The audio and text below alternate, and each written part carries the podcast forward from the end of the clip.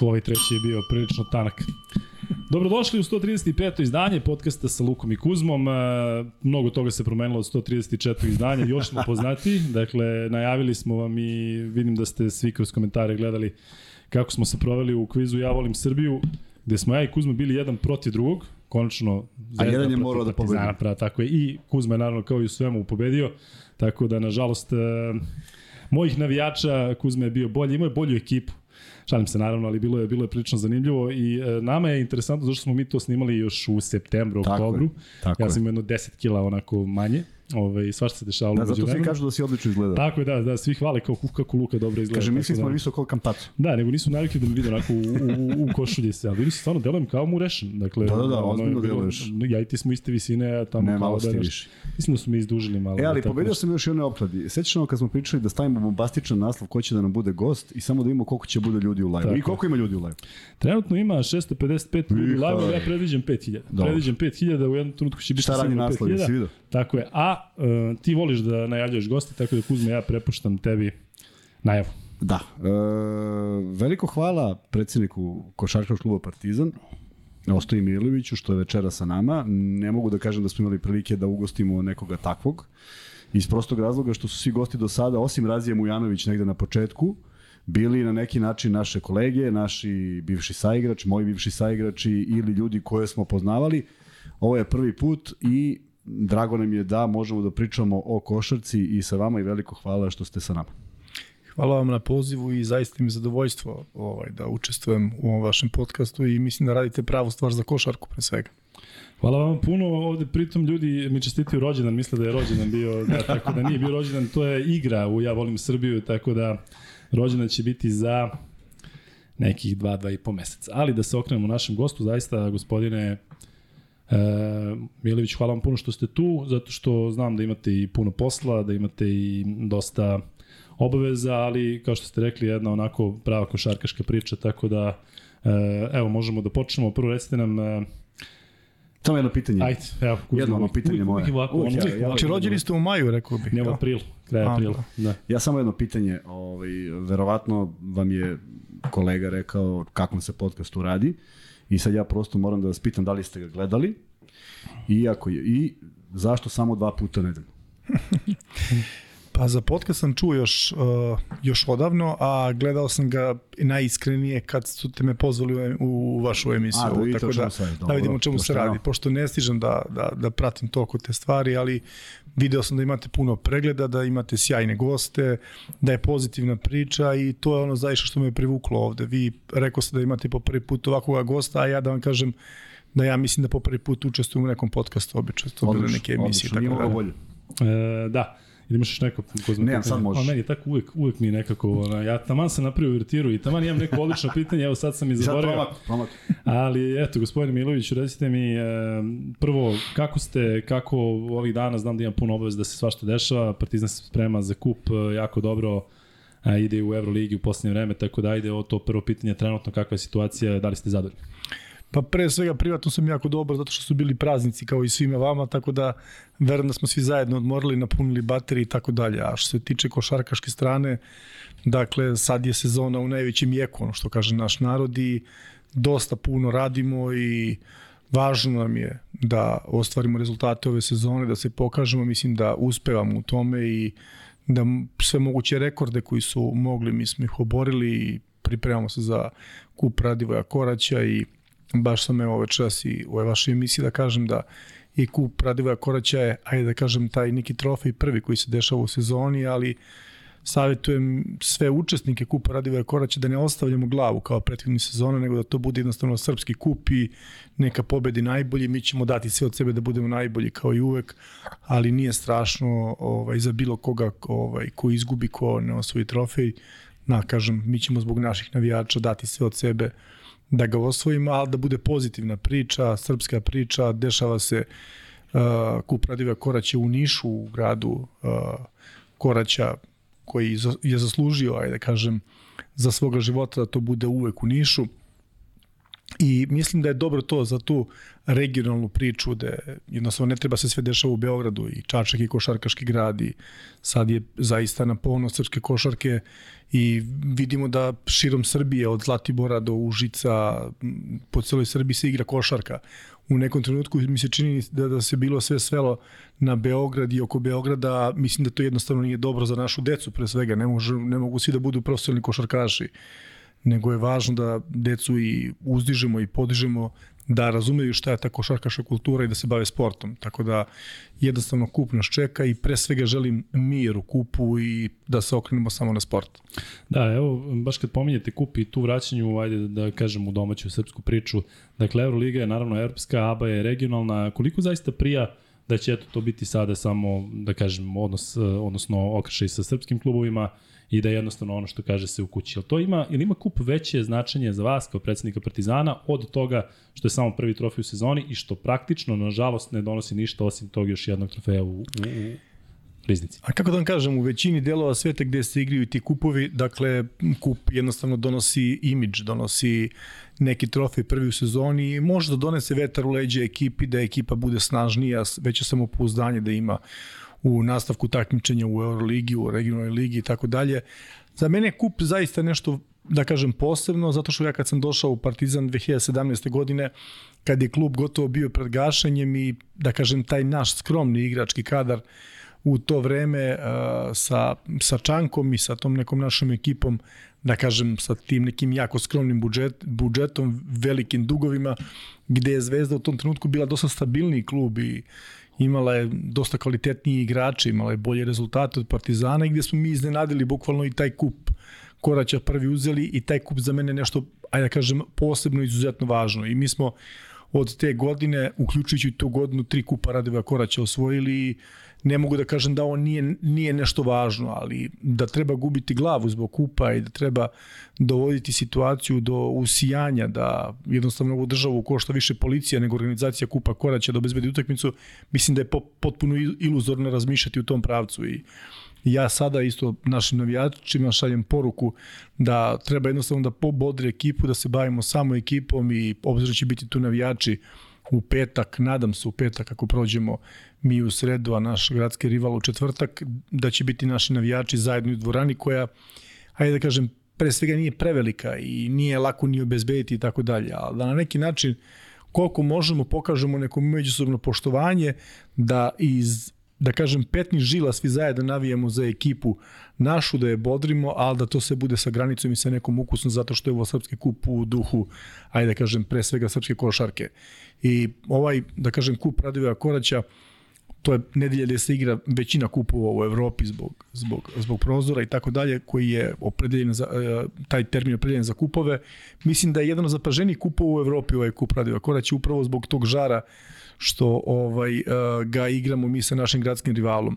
Ono što je specifično ove sezone da ako prođemo ajde da kažem prvu utakmicu mi, prvu utakmicu oni, ćemo se sresti u polufinalu, što mislim da jednostavno ok, takav je, takav je žreb takmičenja i mi nismo mogli da utičemo na to, ali mnogo bi bilo interesantnije da ako dođemo do finala se sretnemo uh, Crvena zvezda i mi u finalu. Bilo bi mnogo, da kažem, mnogo onako interesantnije i bolje. Ali dobro, daćemo sve od sebe da osvojimo kup Radovija Koraća. Kažem, to je važno i za klub i to je važno za ekipu zbog, ajde da kažem, dalje neke energije i vere u sebe.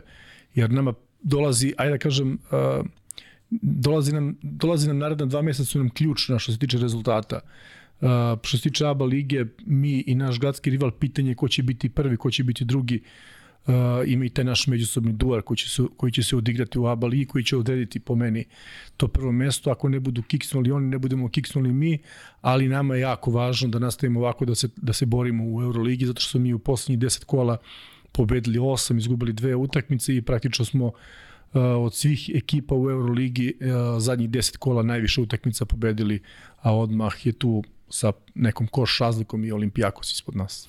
Uh, dva derbija su pokazala da mogu da se organizuju i da prođu kako treba i da bude ono što, što svaki derbi treba da donese, to je priča o košarci. Dakle, pred Nišom je sad veliki ispit da se to organizuje. Potpuno ste u pravu kad kažete da, da navijači donose mir ili nemir u sve to. Ali ta dva derbija su prošla prilično kvalitetna, igrački, i pričalo se samo o košarci. E, što se sastava ekipe tiče, jesu li Papa Petru i Madar nametnuta e, rešenja što što ne igraju ili jer Papa Petru nije bio u sastavu ekipe da. ni prošle nedelje? Pa evo da odgovorim na to prvo pitanje, Kuzma, vi ste bili košarkaš i vi znate kako izgleda. Imate osjećaj kako izgleda igrati derbi i koliko je to, uh, ajde da kažem, posebno za igrače koji igraju u Partizanu i koji igraju u Zvezdi, dakle to meni ljudi kažu da je to bar osjećaj koji se nikada ne zaboravlja u životu. Uh, ja sam i ranije donosio takvu odluku, ali nisam nalazio na razumevanje, ajde da kažem, bitnih uh, košarkaških subjekata u Srbiji, da trebamo da pustimo, uh, kako se zove, gostujući navijač na derbi. Zato što jednostavno mislim da poseban žar derbija ne donosi sila navijača sa jednom ekipom da se bukvalno satera ekipa gostujući u Ćošak i da dobijemo, ne znam, nija 20 razlike. I konačno smo Evropa, ja znam kad smo odlazili recimo u Euroligu uh, na sastanke ranije, uvek je to kad kažemo treba da budu dva srpska kluba u Euroligi, uvek je bilo postavljeno pitanje navijača i nepoštovanja dva kluba. I kako to vam kažem, ja sam mlad, relativno mlad ušao u sve ovo sa skromnim košarkaškim znanjem 2017. godine, ali sam uvek sa ljudske strane, da kažem, taj, taj ljudski osjećaj mi je govorio da bi trebali na neki način da dozvolimo gostujućim navijačima u nekoj manjoj meri da, da gledaju utakmicu kad smo recimo mi domaćini i da oni to isto urade kad su oni domaćini da puste naše navijače. I ukazala se prilika u, Euroligi kad smo mi i donali takvu odluku ne mogu da kažem da je to možda bilo iz početka planirano, bio je splet okolnosti gde su jednostavno oni došli do pojedinih karata na način koji god su došli. Mogli smo mi da kažemo, kao što su nama rekli u Barceloni, jednostavno imate karte, ali ne možete ući u dvoranu, to je takva naša odluka. Prvo nisam uh, želeo da ono što sam ja tražio od Barcelone, to uradim nekom drugom, pa makar to bio i naš gradski rival. Znači ne mogu da tražim od nekoga nešto što ni sam jednostavno ne želim da uradim. To nije, nije moralno pre svega. S druge strane sam dosta razmišljao o tome i sa da kažem sa da kažem državnim organima koji se bave bezbednosti u ovoj zemlji smo procenili svi zajedno i na kraju je došlo da je to lično moja odluka da li želim da pustim navijača ne želim da pustim navijača. Što se tiče uh, policije, što se tiče svih bezbednosti struktura, ljudi su rekli mi možemo da obezbedimo tu utakmicu, nema problema, ali ti si organizator i ti donesi takvu odluku i mi ćemo je i ispoštovati. I na kraju ja sam sa svojim saradnicima seo, donali smo tu odluku koja je bila pre svega u interesu, ajde da kažem, srpske košarke, zaista. Da li bi mi tu utakmicu pobedili, ne bi pobedili gde Nedović u zadnjoj sekundi bukvalno ubacio onu trojku iz ugla gde su tu utakmicu dobili, Mislim da ne možemo sad da razmišljamo tako, ali smo, uh, ajde da kažem, donali takvu odluku, stali iza nje, I ono što je jako važno, ta utakmica je bila za primjer organizovana. Nijedan upaljač nije pao na parket, gostujućim navijačima nije farad laka zlave, uh, bezbednostne strukture su svoj posao uradile za desetku i pokazali smo Evropi da jednostavno možemo biti civilizovani i da postoji, ajde da kažem, uh, ta nada da se nešto može promeniti. Ok, da li je tu bilo nekih verbalnih ispada, uvek su ona bile, uvek postoje, ali oni su po meni i, i benigna manje više kad se svedu na, neku, na, ne, na neki uh, razuman odnos. Ja nisam pristalica toga da se bilo ko vređa iz bilo kog razloga, na bilo koji način, ali smo na toj utakmici pokazali da i da iole postoji nada za neko bolje sutra. I ne mogu da kažem što kaže krivo sedi, ali pravilno besedi i kad se kad je došla njihova utakmica, oni su nas primili uh, naše navijače u Pioniru gde je znatno teže bilo organizovati tu utakmicu. I mi smo tu utakmicu pobedili isto kao što pobedili oni našu, sutra novi dan, borimo se za nove rezultate i nije nikom život prestao, što je najvažnija stvar. Niko nije umro od svih nas zajedno kad je doneo takvu odluku. Ja sam možda najgore prošao od svih, zato što je jedan deo tribine se bukvalno okrenuo protiv mene, zato što sam doneo takvu odluku. Uh, Uh, mi smo i to posle raspravili i između sebe to rešili na strani, ajde da kažem, nas grobara, to sad ni, više nije ni tema, ali ne žalim što sam doneo takvu odluku i milo mi da sam prvi uh, sa svojim saradnicima uspeo da donesem takvu odluku i da iskoračimo. I onda će ja sad verujem to da preraste prosto u neku praksu i nema razloga da bude drugačije. Ja mislim da draž derbija nije da navijaju samo jedni navijači, nego da draž derbija i jeste kada ste vi domaćin, ok, imajte, ne znam nija, 95% više navijača, ali pustite 5% navijača su, su, suprotne ekipe, zato što ja mislim da se, bar ti momci, to su deca naša, to su Srbi u, u velikoj meri igraju u toj crvenoj zvezdi, bar će se osjećati na neki način, uh, ajde da kažem, prijatnije uz par stotina, to nije previše 500 njihovih navijača i to je pre svega ljudski. Tako da mislim da sa tom tradicijom treba nastaviti i da to bude, ajde da kažem, neka tradicija u interesu srpske košarke, da ne ide izlazi s polja priča da smo mi vandali, da ne možemo da to uradimo i tako dalje. A mogu da vam kažem da su loše pričali o nama, e, da kažem koša, košarkaški e, klubovi, odnosno predstavnici klubova koji nisu uspeli tako nešto da urade. Dakle, oni nisu to uspeli da urade, a pričali su da mi to ne možemo da uradimo i uradili smo to na ponos svih zajedno i eto da kažem da smo nešto uspeli da pomerimo, pa makar to bila organizacija naših derbija. Jel ima, jel A što se ima? tiče Aha. drugog pitanja, o, oprostite Kuzma, vi ste rekli što se tiče uh, Madara i Da, Papa da, da, Petrova, Papa Petrov. nisam zaboravio pitanje. Uh, to je jednostavno odluka trenera. Dakle, Aha. trener je doneo odluku i mislim da jednostavno to je njegova odluka, on strategiju za kup uh, ima. Meni je uh, zaista milo što će naš, da kažem, mladi igrač Drezgić dobiti, dobiti priliku da igra i mali Mikić, uh, naš mladi centar, tako da će oni osetiti draži te neke, ajde da kažem, seniorske košarke na kupu Radivoja Koraća, tako da dvojica igrača, Papa Petro i Madar su sa strane, oni su momci to razumeli, zato što je ograničen broj stranaca, ali su neka dva momka, neko izgubi, neko šansu, dobije, da. dobit će šansu. Uh, sad, sad ste počeli ovu priču koja je vrlo interesantna. Da li postoji baš iz tog razloga što nas ne gledaju ni malo sa simpatijama, da li postoji neki, a morao bi da postoji neki zajednički uh, korpus uh, Zvezde i Partizana u takvim nastupima pred Evroligom. Da li tu postoji neka nešto bliže, jer ovo razumemo, i deo folklora je i ko će biti bolji i uh, rivalitet koji postoji, ali prema Evroligi, da li imate neku komunikaciju na tom nivou da možda kad budu neke negde nešto zapelo, jedni drugima pomognu? Kako da vam kažem, mi od mog dolaska u Partizan do ove sezone nismo imali priliku da igramo u Euroligu. Ja sam se zaista zdušno borio i sve snage sve ove godine da se vrati Partizan u Euroligu i da ne zaboravimo mi svi zajedno i javnost i navijači verujem da, ni, da nisu zaboravili, ali da se podsjetimo sve naše pokušaje da se vratimo u Euroligu. Vi se sećate kad je Zenit ušao u Euroligu potpuno nepravedno u odnosu na Partizan gde Bez se sportskih motiva, bez sportskih motiva, bez da. sa skromnim trofejima, ne želim da vređam taj klub.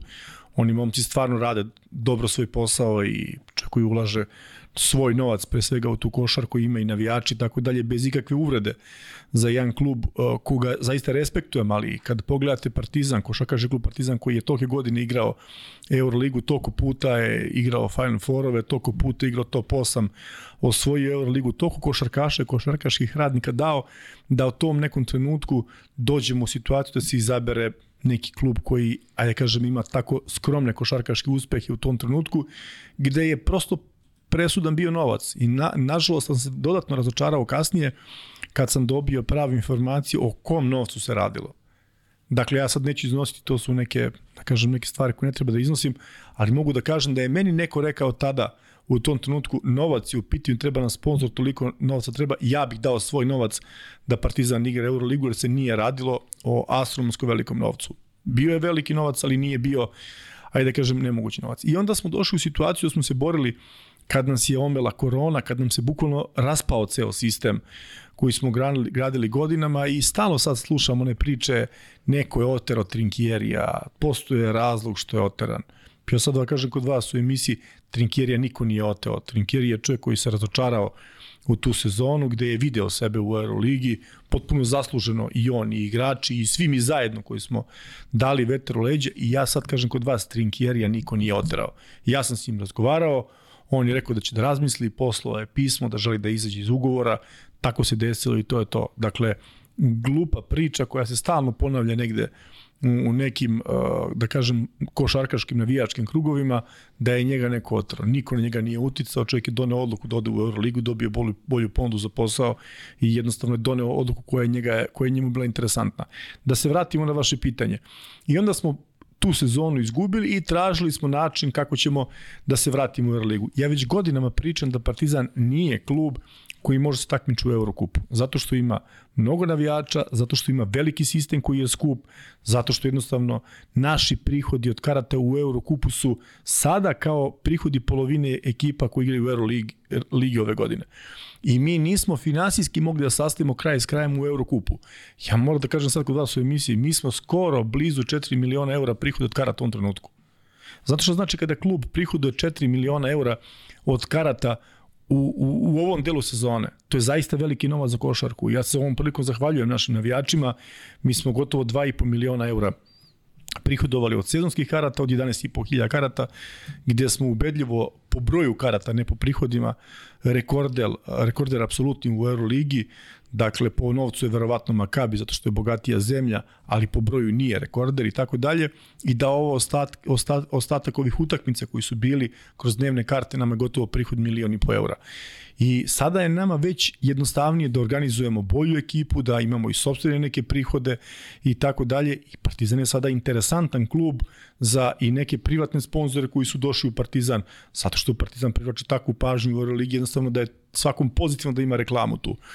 I zaista mislim da je velika vrednost za Srbiju Zato država i ulaže u ove profesionalne sportove. Dakle, velika je vrednost za Srbiju što igraju dva uh, kluba u Euroligi. Vi sad imate matematički da imate recimo nekada po dve utakmice u Beogradu Euroligi. Znate što znači kad cela Evropa gleda utakmice Partizana, gleda utakmice Crvene zvezde. Znate koliko je tu medijskih objava, koliko je tu medijske pažnje, koliko je tu, ajde da kažem, se radi o imidžu naše zemlje koja zaista jeste košarkaška. Ja sam bio Uh, od sedme godine svoje sam igrao, igrao futbal, pa sam 19. Godine, u 19. godini prekinuo zbog povrede da igram veliki futbal, pa sam posle povrede igrao mali futbal, ceo život igrao sam profesionalni biznis lige i tako dalje.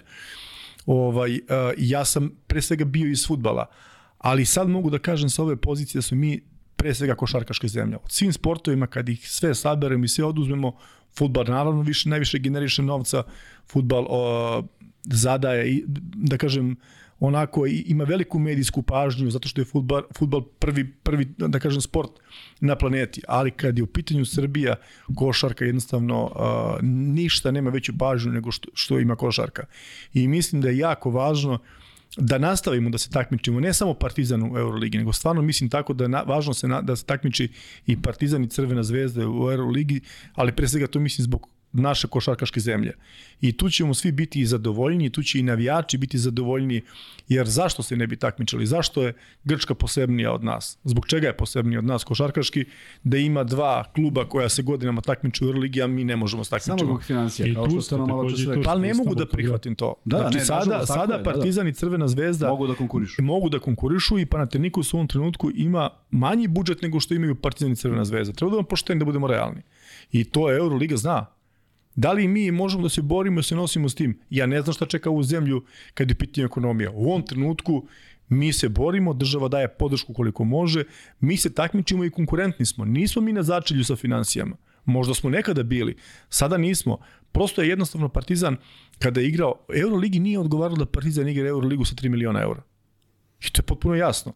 Ne šta je sad, dođemo u situaciju, Duško Jošić organizuje neke mlade momke, što je stvarno bilo nadrealno da uradi sa izuzetno skromnim budžetom dođe i pobedi ekipu koja ima bude 40 miliona eura. Šta kažu ti investitori? Da, ne sviđa im se. Pa ne sviđa im se, jednostavno ne, ne možete, nažalost, danas se, na kraju danas se vrti oko novca.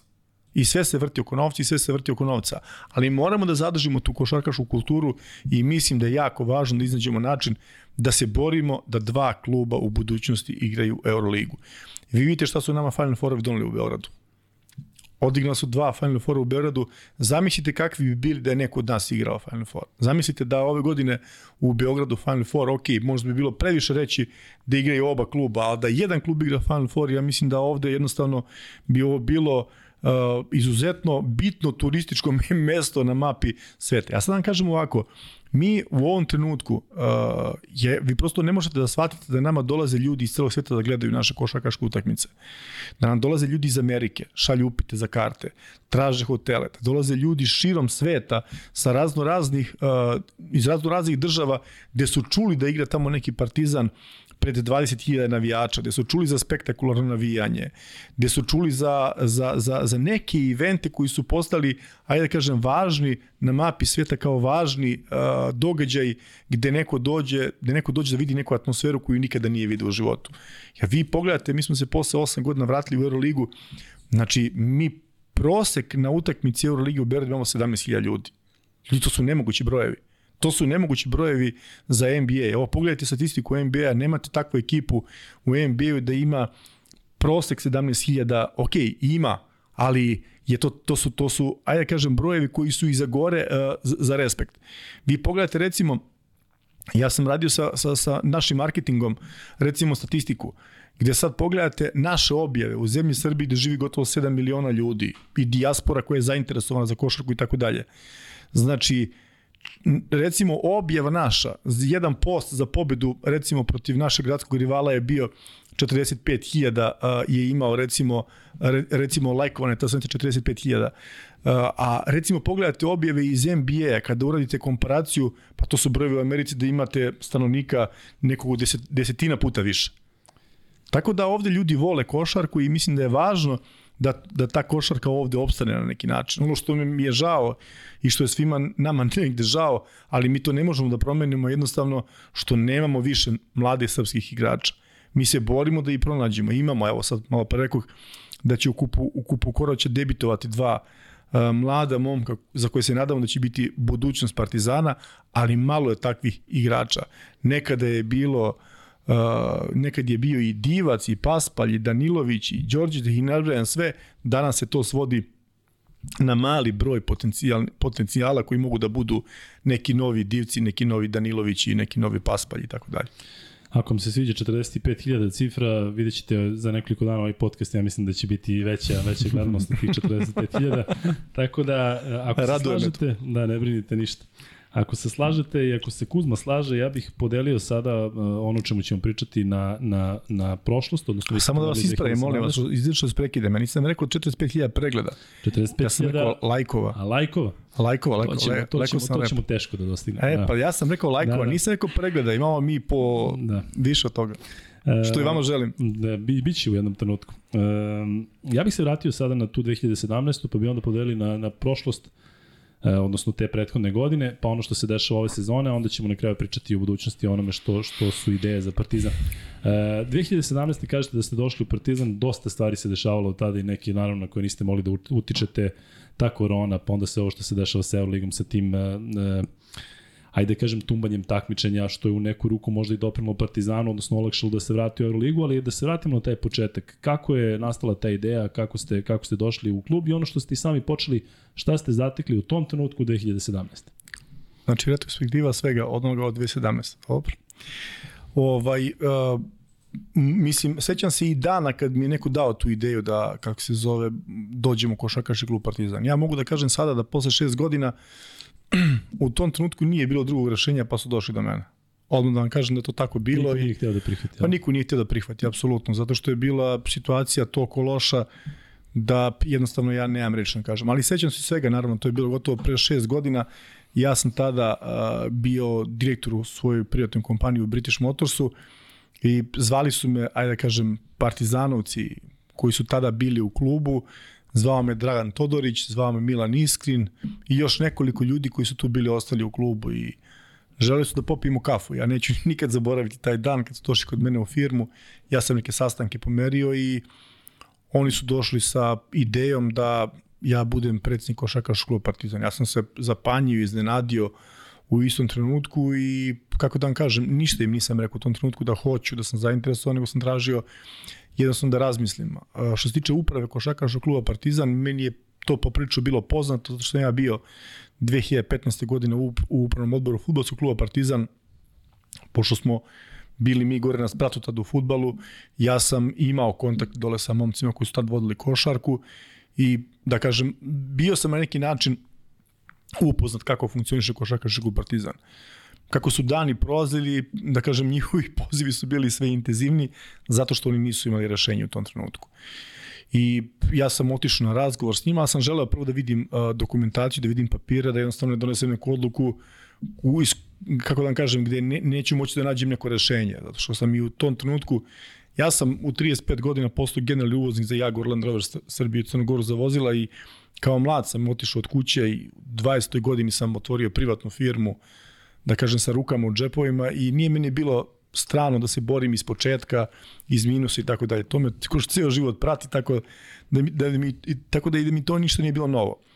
I onda, kad smo seli, ja sam otišao u prostorije košakašog kluba na, na stadionu u Humsko 1, ovaj, i sećam se, dobro sam otišao u toalet, toalet i da jednostavno nije bilo papira u toaletu, da, da se obrišu ruke, da jednostavno bila česma neka koja je pokvarena i situacija je bila užasno Ovdje loša. Kod nas ste bili zadovoljni. Ovde je bolje, bolje nego u Pa dobro. 2017. Pa ne, Dobro, da. znatno je bolje. Pohvali se, Kod da, da, da. je kao, kao, kao, kao Tako je, tako, da. tako je, kreme na mesto. Tako Dobro, da. ne.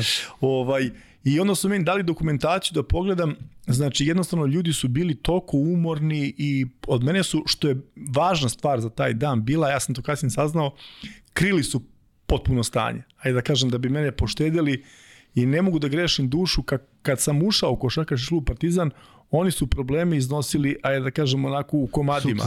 Nisu, ih, nisu ih iznosili u komadu Papir po nego papir. u komadićima, tako je tako da kažem. Znači papir po papir. I kad smo uradili analizu svega toga, dakle, ono što je važno da napomenemo da gledaoci znaju, uh, u tom trenutku ja sam došao, to je bio avgust mesec. Znači, tad sam počeo da pregovaramo. Tad se ekipa već sklopila, počela bila trenira, Muta Nikolić trener i ja njih pitam koliko uh, imamo novca za sledeću godinu. Oni kažu imamo, imamo milion i 300 hiljada eura u tom trenutku. Uh, ko su nam sponzori, oni kažu nisi Telekom i to su jedina dva sponzora koja, koja, koja, koja jesu nam sponzori. Ja kažem, dobro, i taj novac dobijamo kada? Oni kažu, dobili smo i potrošili smo sav taj novac za sledeću sezonu. Ja gledam u njih, ne da, Da, da im kažem. muta je košta toliko. A što je važna stvar, ma nije, muta je košto malo, muta je se borio. Ja kažem, potrošili smo sve unapred, kaže, pa da, potrošili smo sve unapred i kaže, s druge strane smo u blokadi, A, banovani smo, ne možemo da registrujemo igrače, tu nam neki novac fali i banka nas je blokirala, blo- blokadi su nam računi. Sve bolje, sve bolje vesti. Da, da. Ja razmišljam sad, da li je moguće dva ugovora milion i 300, jedini sponsor država. Ja rekao, sad se nadam, sad ćemo da pustimo, kako se zove, sezonske karte. Ja kažem, a koliko je uh, prihod od karata bio prošle godine? Oni kažu 36.000 eura za cijelu godinu, za, za, za sezonske, predsezonske. Ja kažem, da li je moguće da od čega da živimo? I onda skupimo upravni odbor i stvarno se tim ljudima u ovom trenutku zahvaljujem. A, došli su neki kvalitetni ljudi na moj poziv, neki ljudi iz privrede, iz umetnosti i ljudi su poverovali u taj, da kažem, moj entuzijazam, a ne samo moj, nego i tih ljudi koji su bili umorni u klubu i sad krećemo da radimo. Ja tek tad saznajem da ljudi koji rade u klubu nisu primili 21 platu u tom trenutku.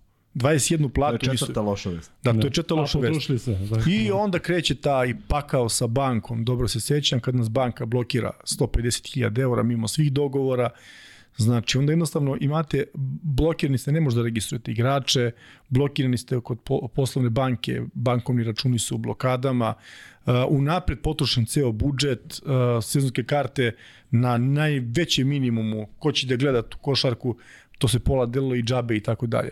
I onda, ja mislim da naši navijači ni ne znaju koji je to naporan rad i šta smo mi sve prošli da dođemo do ovoga gde se nalazimo danas. Ja sam siguran, ali 100%, uh, da bih danas imao još jednu ovoliku kompaniju, ja sam se bavio samo svojim poslom, se nisam bavio Partizanom. Znači, stvarno za Partizan šest godina odvajam vreme, radim, borim se za njega kao što se borim za svoju kompaniju, jednostavno to posmatram kao svoju obavezu, jer sam partizanovac, ja sam preuzeo odgovornost i to na neki način ljudi mene očekuju.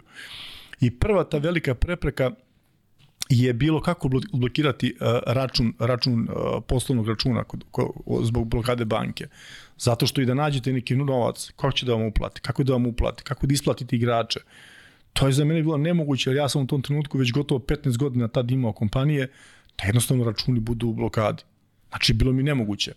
Onda a, smo doveli neki igrače, tad je te godine bio skroman igrački kadar, ali smo našli Nigel Williams Gossa i Millera, verovatno ga se sećate. Sa onim bicepsima. Tako, sa onim bicepsima, Miller, da, da. dobrim jeste. Jeste. I ne možemo registrujemo igrače. Treba krenemo sezonu, ni da ne možemo da registrujemo igrače. I ja sam, pošto sam po, po prirodi uporan čovek i ne odustajem nikada, Ma onako ušao u rov, uzeo kramp u ruke i s tim ljudima rekao moramo da krampamo po ceo dan dok ne budemo nešto iskobali. I onda prva borba ta sa bankom gde smo i kasnije dobili na sudu i dokazali veliku nepravdu.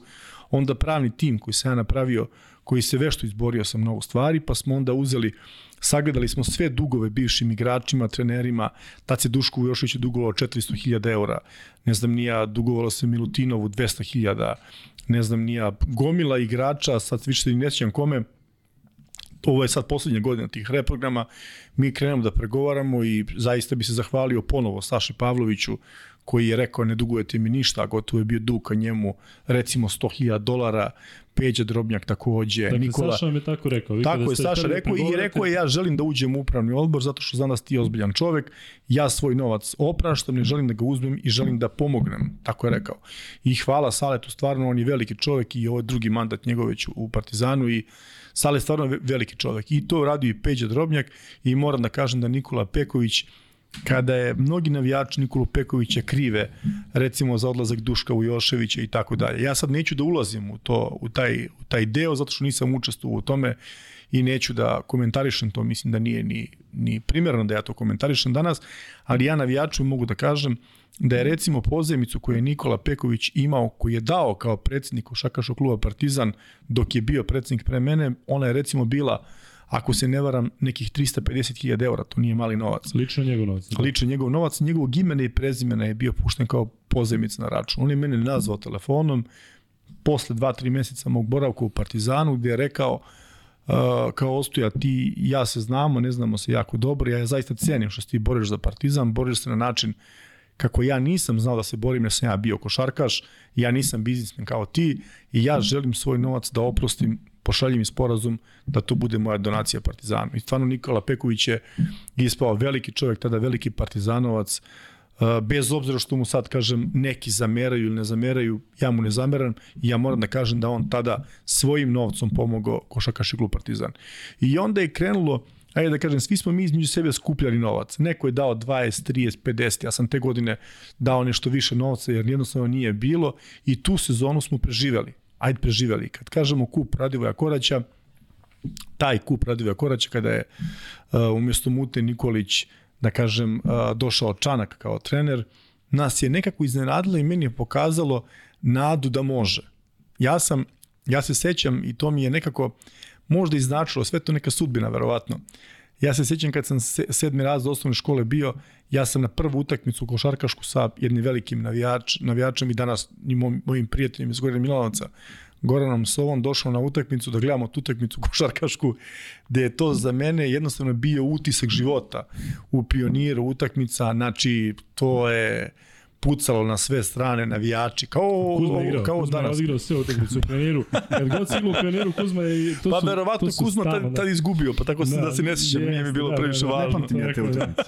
Ali to je meni ostao takav utisak da sam ja sve vreme imao takav, tako dobar osjećaj da je velika čast biti na, na, na čelu takvog kluba. A onda legnem da spavam i ustanem ujutru i razmišljam a što mene mora da boli glava u životu kad nemam niti jednu, niti jednu brigu u životu, sebi sam otvorio brigu na, na, na vrat. I onda se sećam, krajem 2017. godine odlazim u Istanbul da vidim Željka Obradovića, koji je stalno sa strane negde pomagao Partizan na razno razne načine. to su mi bar ljudi govorili. Se niste ovaj, znali ranije? Mi se nismo znali do 2017. godine. Ja sam Željka Obradovića upoznao 2017. godine. Tad u Istanbulu. Ja odlazim kod Željka Obradovića u Istanbulu. On je pri, se pripremao za neku utakmicu i našli smo se tamo u nekom restoranu gde on meni pokazao toku čast da sam se ja jednostavno uh, glup osjećao, aj tako da kažem. I on mi je rekao, ti si za mene predsednik Partizana, ti si za mene nešto veliko, ja ću tebi da pomognem, hvala tebi što se prihvatio, uh, ja Partizan volim, Partizan je deo, bio mog, deo mog života i nikad nije prestao da je deo mog života. I onda vadi uh, privezak onaj Sintelon 92, pokazuje, kaže ovo je moja Majlija, ja nosim ga ceo život.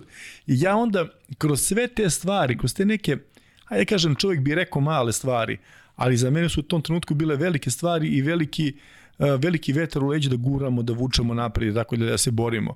I onda polako, meni nije bilo, meni nije bilo lako da uđem u sve to. Ali ljudi su prvo... malo nas zanima e, taj, taj vaš prvi kontakt sa Željkom Obradovićem. Dakle, tu ste se našli bukvalno kao dva partizanovca. Vi trenutno u klubu i pa, Željko koji imali smo mi, ugovor sa Fenerbahčem. Pa da, ali imali smo mi neku drugačiju vezu. Mi smo obojice iz Čačka, pa onda da. je i to bila tema tu i tako dalje. Ali za mene Željko Bradović uh, u tom trenutku bio, kao i za sve partizanovce, danas nešto veliko. Jer ja sam tad ono, postao predsednik košakaša kluba Partizan, gotovo nepostojeći kluba, sa potrošenim budžetom, sa svim živim blokadama, sa skromnim igračkim kadrom, sa velikom željom i tako dalje. I sad mogu da kažem posle šest godina da je Partizan uvek veliki da je Partizan uvek veliki bez obzira na situaciju u kojoj se on nalazi. Da je Partizan i u tom trenutku bio toliko veliki da su meni jednostavno sa mojom iskrenom namerom, iskrenom željom uh, vrata bila otvorena. I da ne zaboravimo, ja sam imao veliki hendikep na početku ulaska u Partizan, gde su ljudi imali verziju prema meni i tako dalje i sumnjali su u moje namere. Ja sam došao uh, u tom trenutku, a svi su to podveli kao, ne znam, nija član stranke, a svi su to podveli kao čovek nije iz košarke, on je došao kao stečeni upravnik, ovako, onako, ja sad razmišljam koji stečeni upravnik, ovo bankrot, nema ništa, nema ništa, jednostavno nema nikakav vrednost osim, da kažem, velikog imena grba koji je zaista ima veliku vrednost i tako dalje u mom životu posebno kao i u većini navijača, možda Kuzmo vama nema, ali Luki ima i tako dalje. Šalim se malo. I da je to jednostavno po meni su to neki trenuci koji ću ja pamtiti celog života koji su, koji su meni bitni.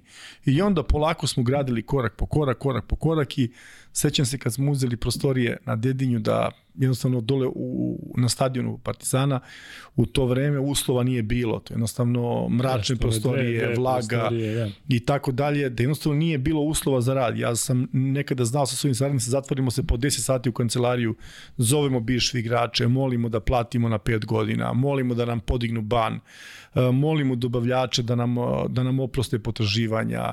Znači po 10 sati smo telefonirali trošili svoj kredibilitet da bukvalno išupamo Partizan iz blata u kome se nalazio. I ja do tog trenutka, kao i danas danji, sam uvek gledao da nekako poštujem ljude i da ne ukaljam obraz. Nikad nisam nikom ostao jedan eurocent dužan i to mi je takođe pomoglo da ljudi veruju da će da bude nešto plaćeno kasnije i tako dalje i stvarno su ti ljudi shvatili da niko nije prevaren. Mi nismo koristili nikakve trikove da te ljude prevarilo, samo smo tražili vreme Vi se sećate mojih konferencija za medije u to vreme, svaka konferencija za medije bila molimo poverioce da nas sačekaju, molimo poverioce dajte na vas duha. I jednostavno... Lepe su te priče, izvinite, oko Saše, oko Peđe i oko Nikole, e, gde su se tako pokazali, ajde da kažem, kao pravi grobar. Ili imate možda još nekoga ko se u tom, nećemo da pričamo onima koji možda nisu izašli u susret, ali neko ko vas je, ajde da kažem, pozitivno iznenadio, izašao u susret i rekao, nema problema, hoću da pomognem kako treba. Zato što mislim da, da, da je nekako sve one koji ste pomenuli da, da spaja ta ljubav prema Partizanu, ali ona najiskrenija, gde je možda novac u nekom drugom planu. Kako da vam kažem, tu su mi potpuno pomešana osjećanja. Po meni postoji, mislim da svi vole Partizan realno svi ti ljudi koji su bili u Partizan, Partizan se vole na jedan poseban način. Ali postoje ljudi uh, koji su zaradili veći novac i kojima novac je bio važan, ali su mogli da kažem da vole Partizan na način da, da, da oproste neki novac, a ne mogu da grešim dušu, a postojili su ljudi koji nisu zaradili veliki novac u životu i da im je to značilo uh, za život, budućnost i da. jednostavno to je život tako nametnuo da nisu mogli da se odreknu tog novca. I ja ne mogu da krivim ljude koji su, uh, koji su tražili svoj novac. Taj novac je pošteno zarađen i ljudi su jednostavno imali strpljenje i čekali su taj novac. I velika zahvalnost tim ljudima i to je bio, ajde da kažem, veliki ustupak tada klubu. Neko mogu da kaže, meni se taj novac, šta je tu specifična stvar? Uh, moj dolazak je bio mač sa dve oštrice.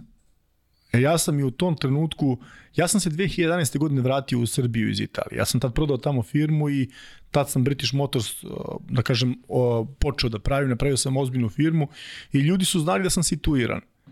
I to je bio maš sa dve oštice. Ja kad sam došao, polovina njih je rekla, ma šta nas briga, on ima novac. Ma neka nam plati ono dugo. Što se prihvati da bude predsjednik Košaka Šluba Partizan?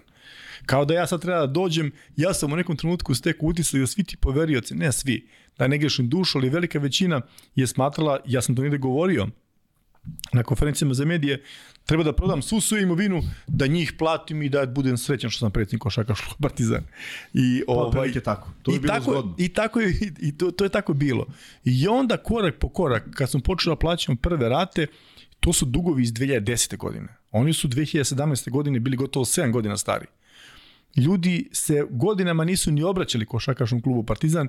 Redko je to, svega po neko je tužio neko klub, pa su se ljudi borili u klubu da to plate i tako dalje.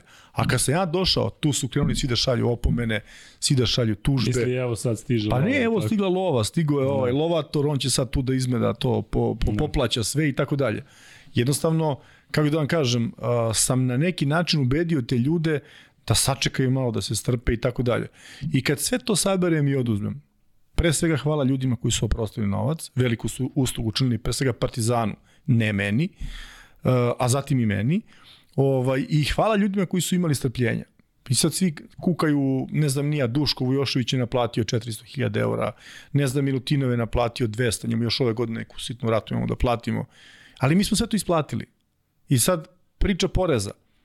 Mi smo imali tri stvari i to navijači treba da znaju. Znači dug od skoro 5 miliona eura sa kamatama bivšim igračima, zaposlenima, trenerima i tako dalje. Imali smo porez koji je star 20 godina u tom trenutku i morali smo da izmirujemo tekuće ovaj, kako se zove, plati i sezona koju smo igrali. I sad vi da gurate na tri fronta je prosto nemoguće. Mi smo gurali uh, bivše igrače, plaćali smo sve plate i sezona koju smo igrali, a nažalost Nije I stvarno nije korektno, ali nismo mogli da plaćamo porez na vreme i on je bio star 20 godina u tom trenutku i svake godine kamata na kamatu, kamata na kamatu i moj je plan da sad ove, ove godine, pošto je ovo zadnja sezona za reprograme, kad isplatimo sve te stare dugove, sledeće godine uđemo u reprogram porezkog duga i to isto nastavimo da plaćamo narednih 5 godina. I jednostavno će nama 10 godina života Partizanu oduzeti, ajde da kažem, taj minus ogroman koji je napravljen do 2017. godine i ne mogu da grešim dušu, napravili smo ga i mi u godini korone. Kad je prekinuta sezona, mi smo imali 3 miliona eura minus. Znači, sa sedam onih koje sam ja preuzeo i nešto, 3, to je 10 miliona eura minusa za košarku u Srbiji, to je preozbiljan novac. Kad pogledate sad neki kad komentarišu pa kažu, pa šta je to, platite to. A nađete vi 50.000 eura pa platite nešto, a ne nađete 10 miliona eura da platite nešto i da usput svi izmirujete sve iz prethodne sezone da platite da ne ostajete nikom dužni. Naš je veliki uspeh i ja sam znao da mi nikad nećemo razdužiti dugove ako budemo ostavili repove i sezona koje završavamo. I ja sam do te mere pritiskao da se plate sve sezone koje završavamo, da se plaćaju reprogrami, da jednom dođemo, stanemo na zelenu granu i kažemo ok, porez moramo državi da platimo, uh, po zakonu nama sleduje 5 godina rat da platimo, otpiše se kamata 50%, a u velikoj uh, količini tog novca je naša, naša pre svega kamata. I dug je u ovom trenutku sa kamatno 6,9 miliona i mislim da kamate više ima, čini mi se, od 2,5 možda i 3 miliona eura ako nije kamata i ti 50% kamate, kamate se otpisuje i mi taj dug ćemo da plaćamo narednih godina. Ali da kažem, na svim poljima smo bili hendikepirani. Da vi 2017. godine imate samo dva sponzora i to dva državna sponzora. Da nemate prihode od karata i nemate marketičke aktivnosti. Dakle, to klub postoji samo na papiru i istorija drži taj klub. Danas smo mi savršen sistem. Danas smo mi sistem koji je sve ove godine, svih šest godina, sve plati izmirio zaposlenima, platio socijalna penzijona i tako dalje, izmirio deo tih starih plata koji su se, koji su se kasnile, većinu, skoro 98% plata bivšim igračima, trenerima, nama su danas plate redovne, borimo se, uz velike muke, ali se borimo. I danas je klub stabilan, danas je klub ima sistem, ima sistem koji posluje, koji stvara, koji zarađuje, koji se bori, koji je dobro pozicioniran i tako dalje. Ali ako neko misli da je za ovih šest godina bilo jednostavno, da se ovo samo po sebi stvorilo, nije se samo po sebi stvorilo. Naravno da sve ima svoje, sve je bitno, ali važno je da kad slažete Lego kockice svaku stavite na svoje mesto. Zato sam i mislio da idemo fazu po fazu. Evo vi I evo vodite. sada, sada kada, kada pominjete i taj deo sa Duškom Vujoševićem, on je ipak legenda kluba, posebno u ovom novijem periodu. Kakav je bio odnos sa njim? On uvijek o vama govori u superlativu, ali pretpostavljam da i u tom odnosu bilo, bilo verovatno onako turbulentno. U početku je bio loš, zato što je takođe i Duško Vujošević sumnjao u moje iskrene namere i on je o tome govorio. I ja sad to kažem, sumnjao u moje iskrene namere da ja nešto mogu da promenim, da nešto želim da promenim i tako dalje. kao i velika većina navijača, a da ne kažem i svi, osim oni ljudi koji su me poznavali, ali kako je vreme prolazilo, ja sam kupovao poverenje Duška Vujoševića jer je on shvatio da se ja borim sa vetrenjačama, da jednostavno nije lako se boriti i on je u nekom trenutku uh, prestao da priča negativno o meni zato što je shvatio u stvari da ja želim da rešim to sve, da saradnici koji su prihvatili moj poziv, koji su ušli u klub imaju iskrene nameri da neće biti lako proći taj put. I on je u nekom trenutku krenuo da daje podršku, da daje podršku Partizanu, a zatim i meni. I ja moram da kažem da on stvarno i za njegov dug, koji je u tom trenutku bio nešto oko 400.000 eura, ima veliko razumevanje. Takođe, on je jedan deo svoga duga takođe u sporazumu sa Nikolom Pekovićem uh, koji je bio napravljen, uh, ako se ne varam i oprostio jedan deo svog duga u tom trenutku, ali se to svelo na tih 400.000 eura uh, koje sam ja sa svojim saradnicima godinama vraćao i njega isplatio. I on je u tom trenucima i bio i jako bolestan i sad, Bogu hvala, i oporavio se malo. Izgled, nije malo, izgleda dosta bolje nego što, što je izgledao i tako dalje. I kad sam malo pre rekao da postoje ljudi kojima je taj novac neophodan u životu, zaista sam uh, pomislio i na njega, kao i na neke druge ljude koji su igrali košakašnu klubu Partizan.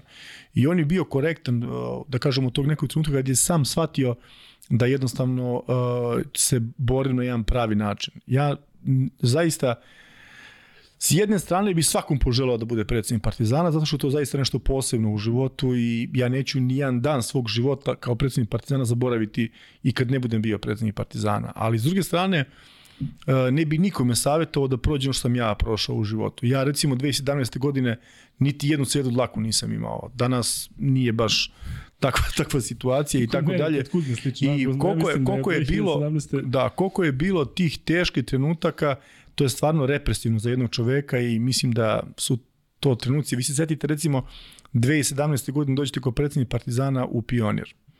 Velika čast, sednete za onu svečanu ložu, tad je ona bila svečana, ona loža gore koja je sad tamo, ne znam, nija, ne postoji više, neko sad neki staklenik tamo bez veze i tako dalje i sad 2-3 hiljade najvernijih navijača tu koji navijaju uh, situacija jednostavno tako kakva jeste, ali to je partizan. Partizan igra i vi ste predsednik Partizana u tom nekom trenutku.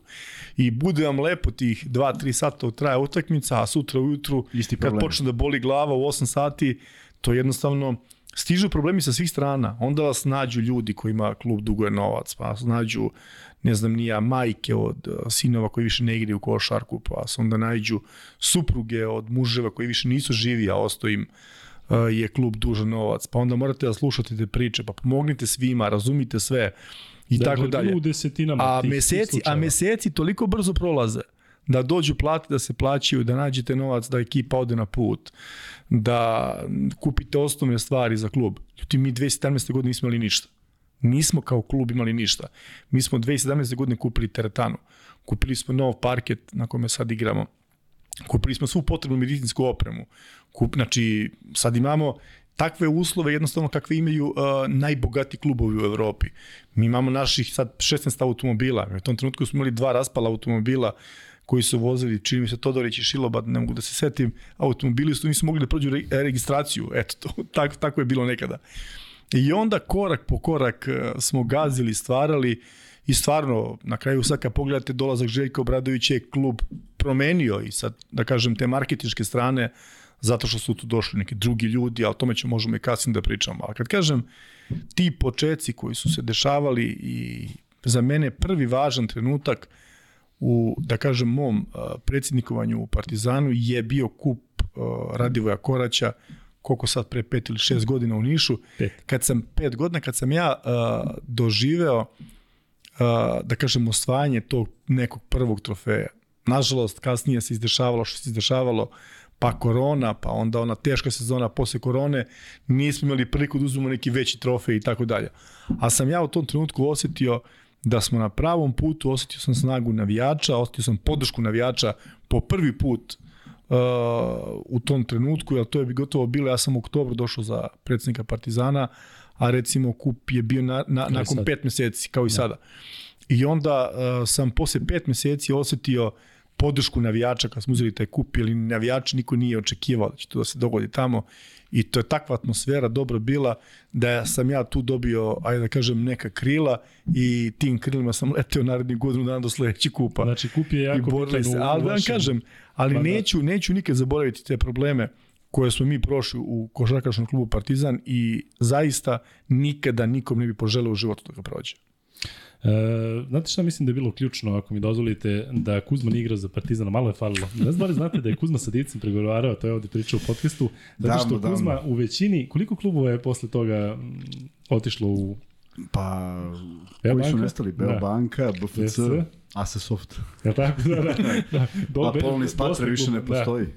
Da. E, Sad ali, postoji, ali A nije dobro, svi smo ne, grešili u životu, pa i Kuzma, Je. mislim, ne možemo svi... Nema veze, ne žalim se ja za ove greške. Da. E, Šalim se, naravno. E, došao bih do ovog momenta koji je isto bitan navijačima Partizana, a to je taj e, trenutak kada su se mnogi iznenadili dolaskom Trinkjerija. Tada je to jednostavno, jednostavno izgledalo nešto do, gotovo nemoguće kada se pročita da je Trinkjeri došao u Partizan, to je bilo 2018. Dakle, godinu dana nakon dešavanja za koje sami kažete da je bilo na, na ivici na ivici bankrota. Kako je došlo do toga i onda recimo možete možemo da nastavimo i ta, ta faza, to razočaranje kod svih zbog korone, nešto na što ne možete da uči, utičete zato što i navijači Partizana i realno gledajući Partizan u tom trenutku bio dominantan u Evrokupu, što je posebno za one sezone u Fibnu Ligi šampiona i još neke sezone delovalo neverovatno. I onda taj, taj period koji ste pomenuli na početku podcasta, taj rastanak sa Trinkjerim, o kojem i dalje svi imaju, da kažem, pogrešno mišljenje. Da. Ovaj, da se vratimo malo unazad. A vratio bi se recimo na period Čanka. Da kažem u nekog čovjeka koji je, koji je aj pre, da kažem pre svega jedan od legendi kluba kao igrač i tako dalje i kada se ja dogovaram sa Mutom Nikolićem da jednostavno ne bude više trener Partizana i koga dovesti bilo je različiti razmišljanja tada u tom nekom trenutku i Čanak prihvata posao da dođe u Partizan i dešava se ona utakmica prva u areni da ja želim da odigram utakmicu u areni, osjećam podršku navijača, osjećam, uh, da kažem, velik, veliki entuzijazam kod svih se probudio i da odigramo utakmicu u areni.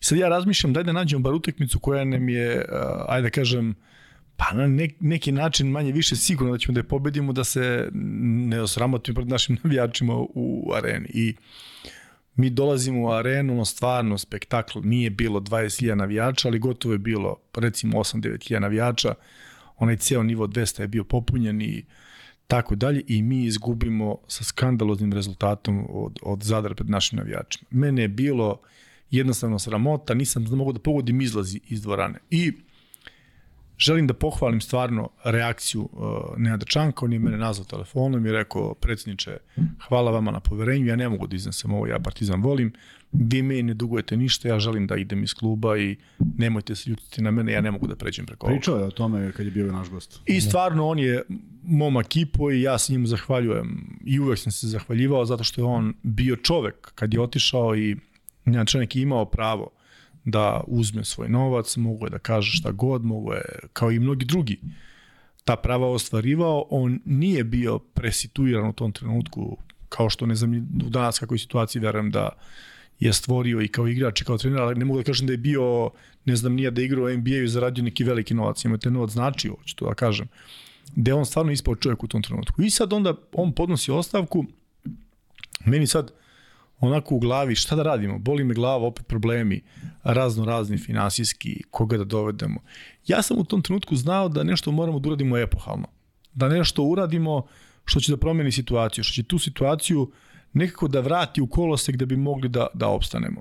I tu je bilo nekoliko opcija za neke trenere, ne bi ni spominjao sad pojedine, da ne, ne bude sada da, da štampa piše o njima, da su oni sad treneri neki drugi klubova i tako dalje i nekako je došla, došao predlog na sto da je Andrea Trinkieri slobodan, da je on završio svoju emisiju u Nemačkoj u tom trenutku da je već bio gotovo slobodan godinu dana, ne znam, operisu je, čini mi se nešto, čini mi se rame i tako dalje. Ja ne mogu da se sad pohvalim u ovom trenutku da sam ja njega znao nešto previše, nisam gledao neke utakmice koje on vodio, ja sam gotovo gledao jednu ili dve utakmice i nisam previše ni znao njemu. I ja onda uzmem da se raspitam preko nekih svojih veza, sam u Italiji, kao i danas imam puno dobrih prijatelja, gde sam proveo skoro 8 godina svog života i ovaj dobijem dobijem pozitivne vesti da je čovjek sa energijom, čovjek koji je pomerio nešto u klubovima da je radio, nije bio na nekim, ne znam, nija najvišim nivoima košarkaškim u Evropi, ali jednostavno je čovjek koji, koji ima potencijal. I ja onda sedem u avion, odlazim u Veronu kod njega da se prvi put uh, vidim s njim i on se meni u tom prvom trenutku onako, kako, kako vam kažem, ja Italijane jako dobro poznajem. Poznajem gotovo kao što poznajem, aj recimo Crnogorce, kao što poznajem naše komšije s kojima cijel život živimo ovde. I on je po priču bio iskren u tom trenutku, imao je zadršku, nije želeo da kaže ništa, ali po priču bio iskren, rekao je ja znam ko je partizan, znam da ste u teškoj situaciji, eto, ja sam nešto ostvario u životu, neko, neki košarkaški nivo, neki položaj, sad ja da prihvatim dođem u partizan, jeste veliki klub, veliki izazov, ali ovaj kako se zove je veliki rizik za mene. Pa ja mu kažem, rekao vidi Andreja, ja sam došao u Partizan kao gotov čovek, kao čovek koji je prošao pola sveta, koji je stvorio sobstveni kapital, koji ima porodicu, ja sam rizikuo svoj ugled i ne, neko, da kažem, neki, ne, neki svoj život i stavio sam ga u, u, u Partizan. Stavio sam ga zato što verujem da nešto možemo da uradimo. I možemo da uspijemo samo ako svi zajedno verujemo u nešto. Ako ne verujemo da nešto možemo da uradimo, nemoj da prihvataš. Znači, meni treba neko ko veruje u ovo što što, što mi radimo. I njemu se na neki način tu svidela ta priča u tom nekom trenutku i onda prošlo je par dana pa smo se ponovo vidjeli i ona čujena priča u espresso kad smo objavili onu sliku niko živi nije mogu da veruje. I tu je, su navijači, da kažem, do te mere podili atmosferu i ja se sećam kad je on potpisao taj ugovor i tako dalje i mislim da su nas u tom nekom trenutku rastavile te nesrećne okolnosti, okolnosti pre svega korone. I mislim da on pre svega zbog toga. Bilo je naravno tu razno raznih nesuglasica, ali kao što uvek postoje neke nesuglasice koje se rešavaju u svakoj organizaciji, nisu oni, one bile neke velike, gde ja sam jednostavno, kako da vam kažem, uvek na neki loš potez, na neki potez koji nije bio dobar za klub, reagovao na način na koji sam reagovao u smislu da sistem funkcioniše sa strane sporta, što je najvažnije što vidi navijači, a da sistem iznutra funkcioniše, da mora da funkcioniše i sa strane financija, prihoda i da se zna ko šta radi, da svako treba da od nas bude odgovoran za ono što je prihvatio da radi. I ja nikada se nisam mešao ni njemu, niti bilo kom treneru od početka svoga rada u to koji će igrač doći u Partizan. Ja sam se uvek mešao koliko novca treba da platimo igrača, davao sam svoje mišljenje koje nije bilo presudno da li nekog treba potpisati ili ne, zato što je to posao trenera i posao sportskog direktora, ali naravno kad dođe trener pa kaže treba taj igrač, ja kažem mi taj novac ne možemo ili možemo da platimo ili mislim da taj igrač ne vredi toliko da vredi manje, ja se mešam uvek tu, u tu ekonomsku stranu. I mislim da on otišao, ne mislim, nego znam da je otišao isključivo, on je pronašao taj nefer način, ja sam uvek pričao, na koji je otišao iz Partizana, radilo se svega par sati nekih plaćanja jedne plate gde je FIBA rekla treba se plati još jedna plata od tih 10 i da on pronašao tu rupu, ajde da kažem, uh, sa nekim insajderom iz kluba, sad više nije ni važno ko je kome javio tu vest i da on na taj nesportski nefer način otišao. Da je meni rekao ja želim da odem iz Partizana, zato što jednostavno sam izgoreo u svemu ovome, u želji kao i svi igrači, ja bih rekao, šta, koji bi ja izborio, ne mogu zadržati nekoga na silu da radi neki posao iako, iako on ima ugovor. Ovaj, I jednostavno što je se desila ona sezona posle kad je došao Vlada Šćepanović ona užasna naša loša sezona. Zato što je on uh, produžio svim igračima ugovor 2018. godine da ostanu i 19. godine. I ta logika je bila dobra, ja sam je prihvatio, da je on rekao, momci, evo ugovor i sledeće godine, ajmo da stisnemo da uđemo u Euroligu i vi imate ugovor da imate garantovanu Euroligu sledeće godine, gde je ta, ajde da kažem, logika bila dobra, ali je bila pogubna za klub da je on praktično potpisao igrače i, i da je, Šep, da je Vladi Šepanoviću, koga ja ne mogu da krivim u ovom trenutku, ostala ekipa koja je potpisana s njegove strane. I sad se piti navijači zašto sam ja prihvatio Vlada Šepanovića. Prihvatio sam zato što je Vlada Šepanović radio s tom ekipom koju je potpisao Trinkjeri. I to je bilo potpuno logično, jer ni jedan trener drugi da je došao on ne bi prihvatio ekipu koju ima neko drugi potpisao, nego bi rekao meni, vidite, predsjedniče, svaka čast vama, ja moram da obrišem odavde pet igrača, oni se meni ne sviđaju. Ja sam u tom trenutku, i smijem sada da kažem, razgovarao sa Džikićem. I Džikić je bio gotovo uh, odlučan da prihvati ekipu. U nekom trenutku je rekao, ja ne mislim da je ova ekipa dobra, jer sam ja rekao, mi nismo u ekonomskoj situaciji da možemo sad da uh, 6-7 ugovora poništimo i da ih platimo do kraja i dovedemo nove igrače. To je nemoguća misija. Jednostavno imamo to što imamo, čovjek nam je ostavio potpisane ugovore, verovali smo da ćemo imati saradnju i naredne sezone, on je otišao na način na koji je otišao i mi nismo imali izbora. I onda se prihvatio Vlada Šćepanović i ona sezona uh, za svih ovih mojih, ajde da kažem, već gotovo šesta godina kako jesam predsjednik, je najgora moguća sezona bila ta. Čak gora je bila nego one 17. 17-18 sezona koja je takođe bila loša zbog tog igračkog kadra. I onda dolazi ta situacija kada on odlazi i ta korona je nas stvarno, znači, užasno pokosila. Znači, ostavila nam je taj igrački kadar i tad smo mi, uh, ajde da kažem, kao i većina klubova u Evropi, takođe zabeležili ogroman minus te sezone. Mi smo te sezone kao klub izgubili gotovo 3 miliona eura. Znači gotovo 3 miliona eura novca i to na onaj ceo dug koji je Partizan imao, dodate još tih 3 miliona korona štete koja je se desila, znači to je za mene bio neki novi udarac. Ja, kako da vam kažem, nisam čovjek koji odustaje u životu, prošao sam mnogo toga sam prošao u životu i borbe kao dete, prošao sam rad s 19 godina, učestvovao u njemu gotovo šest meseci bio u njemu, ali kad je ta korona krenula, meni je bilo pet puta gore u Partizanu nego u mojim privatnim firmama, gde je takođe bilo loše kao svima nama koji se bavimo biznisom. I recimo za svih ovih šest godina to mi je bio dolazak u Partizan i ta, taj trenutak kada on napušta ekipu i ta teška finanska situacija su za mene bile, da kažem, najteža dva trenutka od kada sam u košarkašnom klubu Partizan. Kakav je, e, videli ste sada i odnos prema uh, Trenkjeriju što se tiče navijača u te dve pobede Partizana protiv Bajerna, ili ima nekog odnosa danas, ili ima nekog, nekog bilo kakvog kontakta ili bilo čega i kada ste čuli da su navijači pozitivno dragovali kada kada su pozdravili Trinkjerija, je li to za vas ostavilo neki utisak? Zato što ipak to, kada da kažem, unutar Partizana i nekako je dobro da se sve završi, završi kako treba. Kako da vam kažem, ja nisam čovjek koji mrzi. Ja se iznerviram u trenutku i ja najviše u životu što ne volim, ne volim nepravdu. Znači, kada je neko u pravu i ako ja nešto pogrešim, recite mi istinu, ja ću račun da platim kako god, da ga platio na ovaj ili na onaj način, uh, ja ću da ga platim ako sam nešto pogrešio u životu. Meni je njegova uh, interpretacija o celoj toj situaciji kad je otišao uh, za mene bila, za mene bila uh, pogubna. Zato što je klub prema njemu zaista bio korektan sve vreme. Znači, mi smo njemu izlazili u, u susret i ono što mu nije pripadalo po ugovoru, ali ne mogu da grešim dušu da i on nije davao.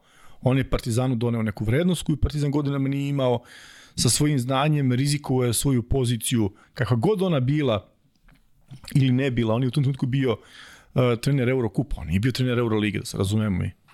Znači, ali on prihvatio taj posao i kako god, koliko god da je rizikovao je dao nešto Partizanu taj njegov odlazak i način na koji je on otišao sa jatacima koji su u tom trenutku bili u Partizanu, koji su napravili štetu klubu, ja ne mogu da prihvatim. Ja bi, da je on doneo odluku da ide i da on to meni u nekom trenutku rekao, ja bi seo s, s njim da razgovaram kao neko ko predstavlja klub u tom trenutku i rekao da jednostavno on treba da sagleda štetu klubu koji će se de, koji će desiti njegovim odlaskom. A pre svega mislim na potpisivanje ekipe i njegov ugor koji je bio garantovan i naredne sezone. I to se ne bi tako završilo na a, s te ekonomske strane da sam ja imao informaciju o njegovoj nameri. I tu sam ja zamerio.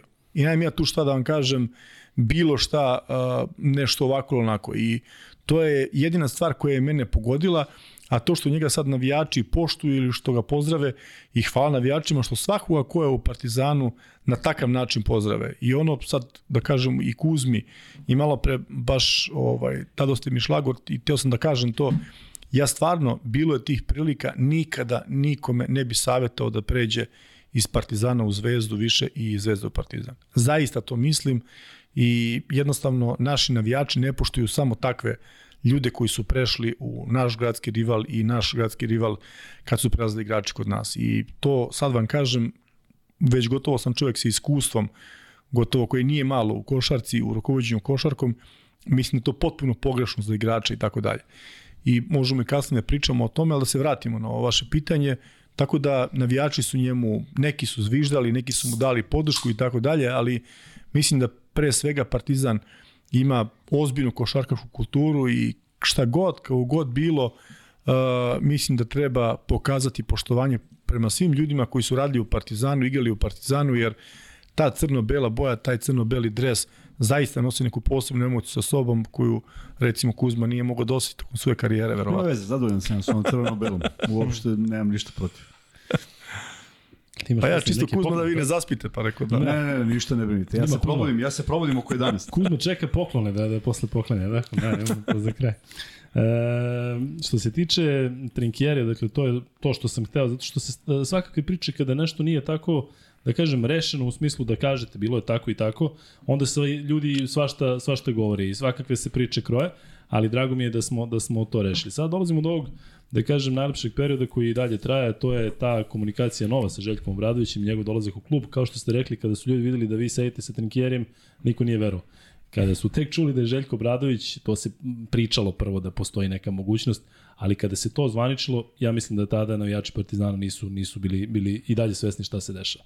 Možete li malo o tom periodu, pa ćemo onda lagano u tu Evrokup sezonu, odnosno prošlu sezonu. Mm, To je zaista posebna epoha u Partizanu i mislim da je ona posebna za sve navijače, za sve nas zajedno i mislim da je posebna i za Željka Obradovića koji je stvarno, da kažem, ispisao neke stranice istorije i svojim povratkom u Partizan. Ali da se vratimo malo i unazad, ajde da kažem, vezano za, za, za taj deo o tim nekim velikim delima u Partizanu. Za mene su velika dela bila pre svega izvediti klub iz uh, propasti. Dakle, to su za mene velika, veliko, vel, to je veliko delo. S druge strane, uh, rešenje pitanje uh, duga od strane banke koji je bio na sve dugove milioni po eura, koji je bio nemoguće za klub da ga reši, je takođe veliko delo. Dakle, povratak u arenu koji svi zaboravljaju, gde sam ja bio do te mere pljuvan od strane navijača da želim da upropastim klub, šta ćemo u areni. Sve vreme sam pokušavao da objašnjavam ljudima da mi smo veliki klub i ne možemo da zaradimo novac, da opstanemo bez, uh, bez dvorane kao što je arena.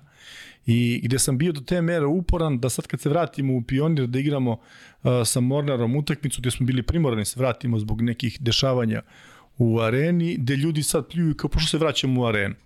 Što se vraćamo u, u Pionir. Onda dolazak tri, Trinkjerija za mene je stvarno u tom nekom trenutku smo pogodili sa, sa trenerom i tako dalje. I povratak Željka Obradovića je uh, kruna svih naših poteza koje smo povukli sve ove godine.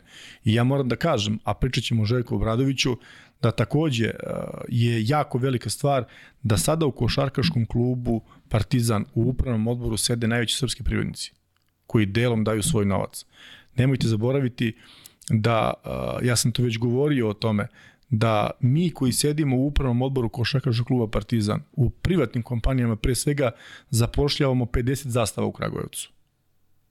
Znači u privatnim kompanijama. I hvala i državi što pomaže i hvala i ovim ljudima koji su u klubu koji daju takođe svoj novac. I hvala navijačima koji kupuju karte. I to je jedna finansijska celina. I to je takođe jedna velika stvar o kojoj se ne priča ovde u Srbiji. Da su neki ljudi koji su uspešno izgradili svoje kompanije, koji imaju po nekoliko hiljada zaposlenih ljudi, prihvatili da budu funkcioneri košakaškog klubu Partizan. Jel ste Dakle- sigurni da recimo danas nema tih problema kao u, u periodu Trinkjerija, da nema nekih što vi kažete jataka, insajdera, ali sada to nekada Nema, kažem, sada sigurno- nema. Ma ne, ja sam to očistio sve. Meni je bilo jako teško da ukapiram ko radi za koga. Znači, bilo je to puno ljudi koji su radili za razno razne menadžere, bilo je to puno ljudi koji su radili za spoljne saradnike, koji su radili protiv interesa kluba i tako dalje. Bilo je puno igrača koji su sad veliki igrači, koji su prošli kroz partizan, kroz mlađe kategorije, gde su bili skrenuti na neku drugu stranu i tako dalje. Ja sam uh, se izborio godinama da svi ljudi koji su u klubu danas isključivo rade u interesu Partizana. I ja iza toga čvrsto stojim. Uh, ona sezona uh, kada je bio Vlado Šćepanović, pa onda, ne znam, nija Sašo Filipovski, nakon njega, pa Aca Matović završio tu sezonu kao praktično treći trener, ona kako bi je ja nazvao sezona iz pakla ili post-koronska godina uh, koja nam se dogodila, da kažem, strašna sezona sa jako lošim rezultatima, završiti na sedmoj poziciji na tabeli ABA lige i jednostavno dobijete wild card za Eurocup, bruka i sramota za sve nas zajedno, koji smo davali, koji smo tu sezonu se izborili finansijski, ali jednostavno rezultatski nije bilo odgovora. I onda ti neki moji prvi kontakti sa Željkom Obradovićem, ja sam razmišljao odmah kad sam video u konto pravcu ide sa Šćepanovićem, ja sam gotovo razmišljao, pošto sam video u tom trenutku do sezone te nema ništa previše, nego ajde da spasimo živu glavu, da preživimo tu sezonu, da spustimo troškove koliko možemo i da je preguramo i da čekamo preko sledeće godine. I onda sam znao da mora da se desi nešto veće od Trinkjerija. Zato što jednostavno su navijači Partizana u tom trenutku očekivali nešto veliko. Trinkjeri je pomerio tu granicu Vi ne zaboravite uspehe Duška Vujošovića. Znači, sledeći trener koji je napravio nešto konkretnije, a nije imala sledeći skoro, on mi je bio Trinkjeri. Pa onda imate tu situaciju sada sa Željkom Obradovićem. Mi sad ti prvi kontakt sa Željkom Obradovićem moji, oni dolaze na utakmice sa mnom u halu sportu, a gledali smo zajedno i tugovali zajedno kao partizanovci i on je pokušavao da pomogne savjetima sa strane, ali jednostavno je u tom nekom trenutku sve radilo protiv nas. Ali u suštini je, kad bolje malo razmislite, i sve radilo za nas. Zato što se na kraju otvorila su se vrata da Željko Obradović bude trener. I ovaj, ja sam na nekoj večeri u šali, ma i u šali, ali sam i nekako, ja sam to Željko i ranije spominjao i kad sam bio kod njega u Turskoj 2018. 2019. godine i tako dalje, stalno sam ja to, kad ćeš se vratiš u Partizan i šta ćeš više po svetu i šta više imaš, zaradio si novac u životu, osvojio si devet trofeja u tom trenutku je već bio osvojio taj posljednji njegov trofej sa Fenerbahčeom i igrao je u Vitori taj, uh, taj kako se, ta smo pričali, taj Final Four kad izgubio čini mi se od Reala, čini mi se u, u polufinalu, ne mogu da se setim. Ali znam da je izgubio tu prvu utakmicu i nije otišao u finale i tad smo počeli neku priču i ja mu kažem daj vrati su Partizan, molim te, ja ću šta god treba raditi u životu, ali daj obraduj na sve zajedno. On kaže, ma nema šanse, ja ne mogu. I onda te godine, kad je bila korona, uporan je bio, neću da radim i neću da radim i ne mogu, hoću da odmorim malo od svega. Ja Partizanu želim sve najlepše, ali ja sam negde osetio u njemu da ima tu neku želju, da postoji. Ja sam čovjek koji cijel život radim posao od, kažem, od svoje 20. godine, od 15. sam na nogama, da kažem, nešto zarađivao, stvarao sam odrastao u takvoj sredini gde u porodici sam morao da radim od 15. godine da bi mogli da se prehranimo i preživimo. I ja sam, da kažem, negde u želucu osetio s te biznis strane da postoji neki njegov interes, da, da, da, da interesovanje postoji i da postoji realna šansa. I u nekom tom trenutku, ovaj, kad sam ja to osetio za nekom večerom, na kraju već one tužne sezone, ovaj, ja kažem sebi, mora da sam lud, 100% rekao, vara me, vara me moja intuicija koja me nikada nije prevarila u životu. I ovaj, ja to negde podvedem ko, ko, kao moju, da kažem, loš osjećaj, tako da ga nazovem. I onda smo tragali, razmišljali ko da bude trener, ko da bude trener. Ja onda u tom nekom trenutku rekao, ajde prvo da dovedemo sportskog direktora koji, koji jednostavno uh, poznaje posao, poznaje tržište, da ne budem ja, ajde da kažem, uh, prepametan, ajde da kažem, košarkaški, nego da nas opustimo neko da dajte posao. I onda dolazi Zoran Savić, što je takođe jedna važna stvar. Jeste. Košarkaško da veliko znanje to, Zoran... i tako dalje. I ja sa Zoranom uh, sam se dogovorio i ne tako brzo, mi smo se nekoliko puta viđali, ali Zoran i shvatio u kom će pravcu sve da ide i imali smo i prijatelje, naše zajedničke ljude koji su sada u klubu, gde su posjedovali u svemu tome, gde je Zoran to prihvatio. I ja Zoranu kažem u tom nekom trenutku, rekao Zorane, ovaj, moram da tražimo trenera, gotovo već se završavala na sezona, Zoran je došao u aprilu a, te godine kad je, kad je došao Željko i ja kažem Zoranu, Rekao, moja želja i čini mi se nekako da bi trebao da dođe Željko Bradović. I rekao, ne bi imao snage da nastavim s nekim ko je, ko je amater. Znači, stvarno ne bi imao snage, zato što mislim da bi ja brzo otišao i tako dalje. I Zoran kaže, ma ti si lud, nema šanse nikakve to se desi, ja i nemoj da gajiš lažu nadu, da ja nađem neku trenera ko će da prihvati da bude trener. Ti kaže, gde dovede Željka? Kaže, nemoj da, da maštaš o tome, kaže meni on. Voleo bih i ja i kaže on, ovaj, ja kaže, neću da razmišljam o tome, to kao nije realno. I onda mi zakazujemo sastanak u Euroligi kod Đortija uh, Bartomea i odlazimo Zoran i ja u Barcelonu i sad ja više čekam da se vidim tamo sa Željkom nego se vidim sa Đordijem, pošto znam da je Đordi je milion puta su bili ti sastanci i iz njih nikada nismo mogli izvučemo ništa previše, realno. I ovaj, tu se viđamo uh, sa Željkom Obradovićem. Ja kažem, Željko, odlučili smo da ti budeš trener i mi nemamo drugu opciju. Ako ti neće da prihvatiš, mi smo potonuli kao klub i ja prihvatam tu činjenicu, sam ja upropasio Partizan, jednostavno, nema drugog izbora, nemam koga, nemam. I Zoran čuti i gleda i sad Željko spusti u glavu, kaže, ma to nije realno, ja neću da pričam o tome. I onda kad su malo poduže sedeli, malo poduže razgovarali, ja opet osetim tu da ima šanse. I Zoran i ja odlazimo i Zoran kaže meni, pa ja sam stekao utisak da u stvari ima šanse nisi baš ti lupio toliko gluposti, ja vidim da ovde ima šanse. I onda naši sastanci koji su se izdešavali razno razni i mi smo gotovo, boga mi, rizikovali sa tom odlukom bili, jer smo mi uh, Željka imenovali u julu mesecu za trenera. A gotovo je u julu trebala biti spremna ekipa. i na neki način smo mi tu čekali, čekali, čekali, rizikovali, Željko otišao bio na odmor, ja sam od maja meseca, sećam se moj rođendan je 25. maja, od 25. maja on mi čestitao rođendan, ja mu poslao poruku da treba da se vidimo i tako dalje. Znači, da treba da se vidimo, da treba da se vidimo i on, čovjek jednostavno je bio na odmoru dugo i kad je došao, ja sam iskoristio priliku i seli smo kod mene u kancelariju u košakaše klubu Partizan i on uh, je seo preko puta i meni rekao, aj sad prvi put ozbiljno razgovaramo o ovome. Kaže, kaži mi koje su tvoje iskrene namere i šta je to što ti možeš meni da kažeš. On i ja smo tu tri sata razgovarali. Tri sata razgovarali i ja sam pokušao uh, i uspeo, ne samo pokušao da mu ostavim takav utisak da ćemo se zajedno boriti, da ćemo zajedno stvarati, da će biti teški dana, da će biti lepi dana, ali da jednostavno to vreme kad se dogovorimo moramo da delimo sudbinu, da se štitimo, da čuvamo leđi jednim drugima i da ja jednostavno volim svoj posao da radim, da ne volim se bavim tuđim poslom, ali volim da stvari imam pod kontrolom. Mada smo se mi manje više i znali, već smo se, da kažem, bili i naučili od te 2017. godine, znao on kako ja radim i tako dalje i on na tom sastanku ovaj, nije, nije prihvatio ništa, ali sam ja vidio da on to saslušao i tražio je uh, da prođe nekoliko dana. Ja tih dana živ nisam bio. Znači, jednostavno živ nisam bio. I čekao sam da dođe taj dan samo da sednem, da to finalizujemo. I ja kome go, nisam smeo nikome da pričam da ne bi vest izašla i na kraju negde vest i procurila kako kod nas sve procuri i tako dalje.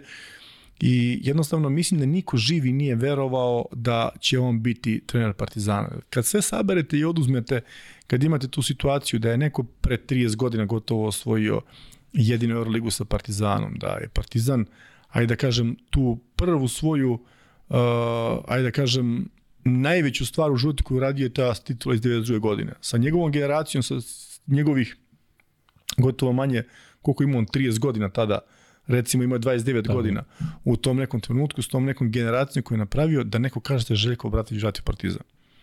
Ljudi kad mene sretno ovako na ulici, kada već se bila pojavila ta vest, mi zaista do tog trenutka nismo bili ništa dogovorili, kad kažu pa daj nemojte lupati gluposti, jul je mesec, nađite trenera, nemojte se izmotavati, upasit ćete klub, imali ste lošu sezonu, to vam navijači neće oprostiti.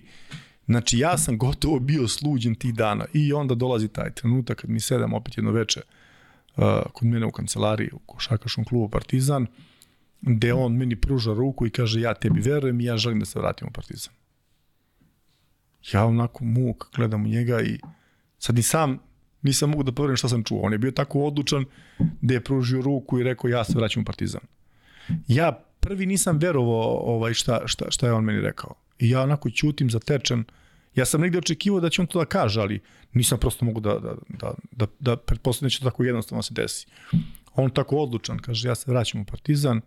Ja onako čutim dva minuta, on kaže, jesi ti nešto predomislio? Kaže.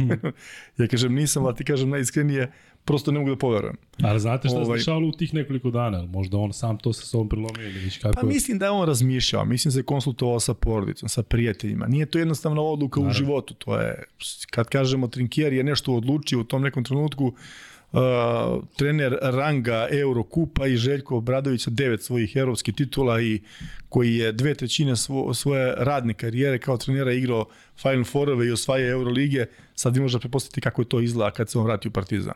U tom nekom trenutku kad Partizan završava, ne znam, nija sedmi na tabeli, ako je bila sedma pozicija, ne da se seti, mislim da je sedma pozicija bila. I da on donosi takvu odluku. To je jednostavno bila nemoguća misija. Znači, Zoran Savić, veliko košarkaško ime i Željko Obradović. I mi sad tu sedimo, završavamo taj sastanak, ja jednostavno ne znam šta da kažem, već sam se onako bio i ajde da kažem pozitivno izgubio, da ne znam šta da kažem, dakle da krenemo sad, šta, sad kako da obavestimo javnost, konferencija za medije, sam mislim niko nam živi neće verovati. I sad razmišljam ja, on kaže, pa kad ćemo, kažem, a kad doćeš konferencija za medije, meni to nije toliko ni bitno.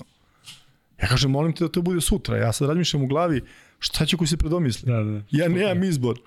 I on kaže, pa što žuriš toliko? Ja sad ne mogu da mu kažem, ne mogu da mu kažem, pa šta će ako se predomisliš, ja nemam gde. I mi stvarno nismo imali rešenje i nismo imali rezervne opcije u tom trenutku, što je bilo možda neprofesionalno. A ja sam sve karte okrenuo ka tome i kasnije Zoran je to shvatio i video i onda smo se okrenuli samo ka tom rešenju i bukvalno smo samo išli ka njemu. I ta konferencija čuvena za medije kad je bila, ja sam tog trenutka praktično shvatio da je on uh, trener Partizana i onda ta euforija koja nas nosi i danas.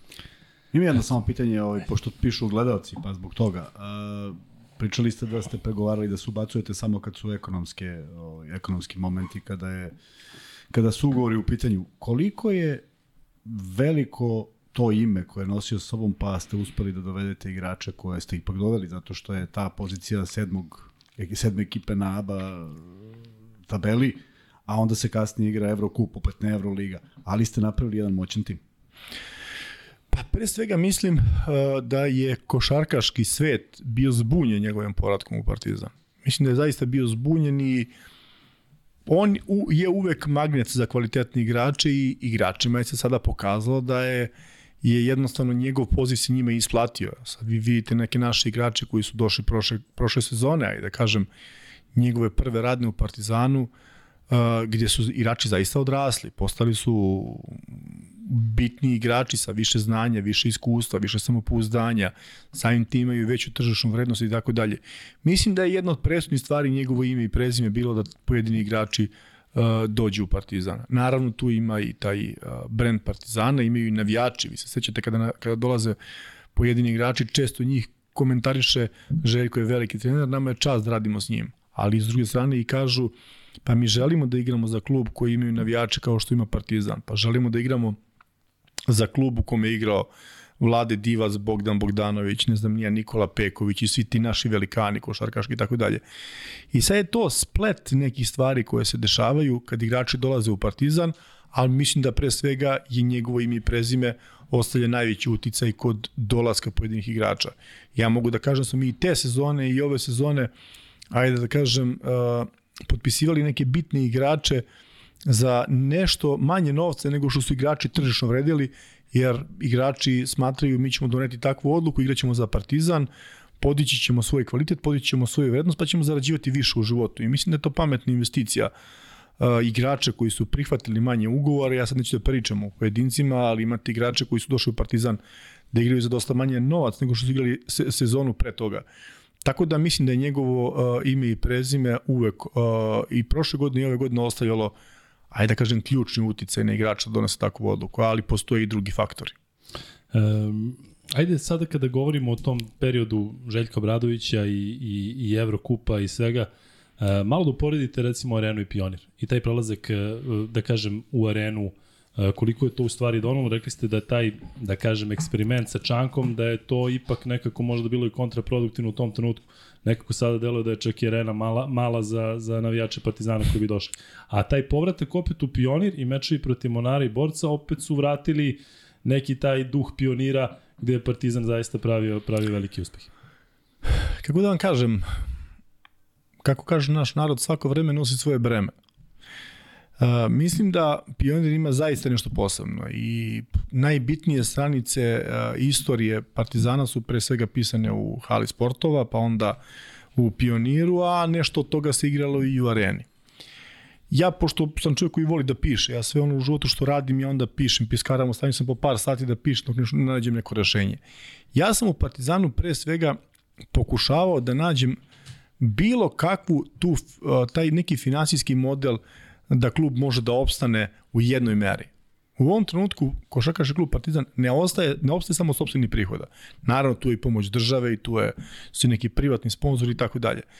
I kako je klub rastao, dolazi na neki nivo kad su navijači pokazali interesovanje da dolaze na utakmice, da žele da plate karti, što smatram takođe našim velikim uspehom, što smo ubedili navijače da karta ima vrednost i mora se plati. Vi se sećate verovatno pošto ste iz sveta košarke i bavite se novinarstvom, da sam ja otupeo zube pričajući karta mora se platiti, da nema besplatnih karata. Ja sam se sa pojedinim ljudima i posađao oko toga i da jednostavno mi je smetalo prvo u pioniru što pionir ne može da se obezbedi da svako plati svoju kartu kod dođe u pionir.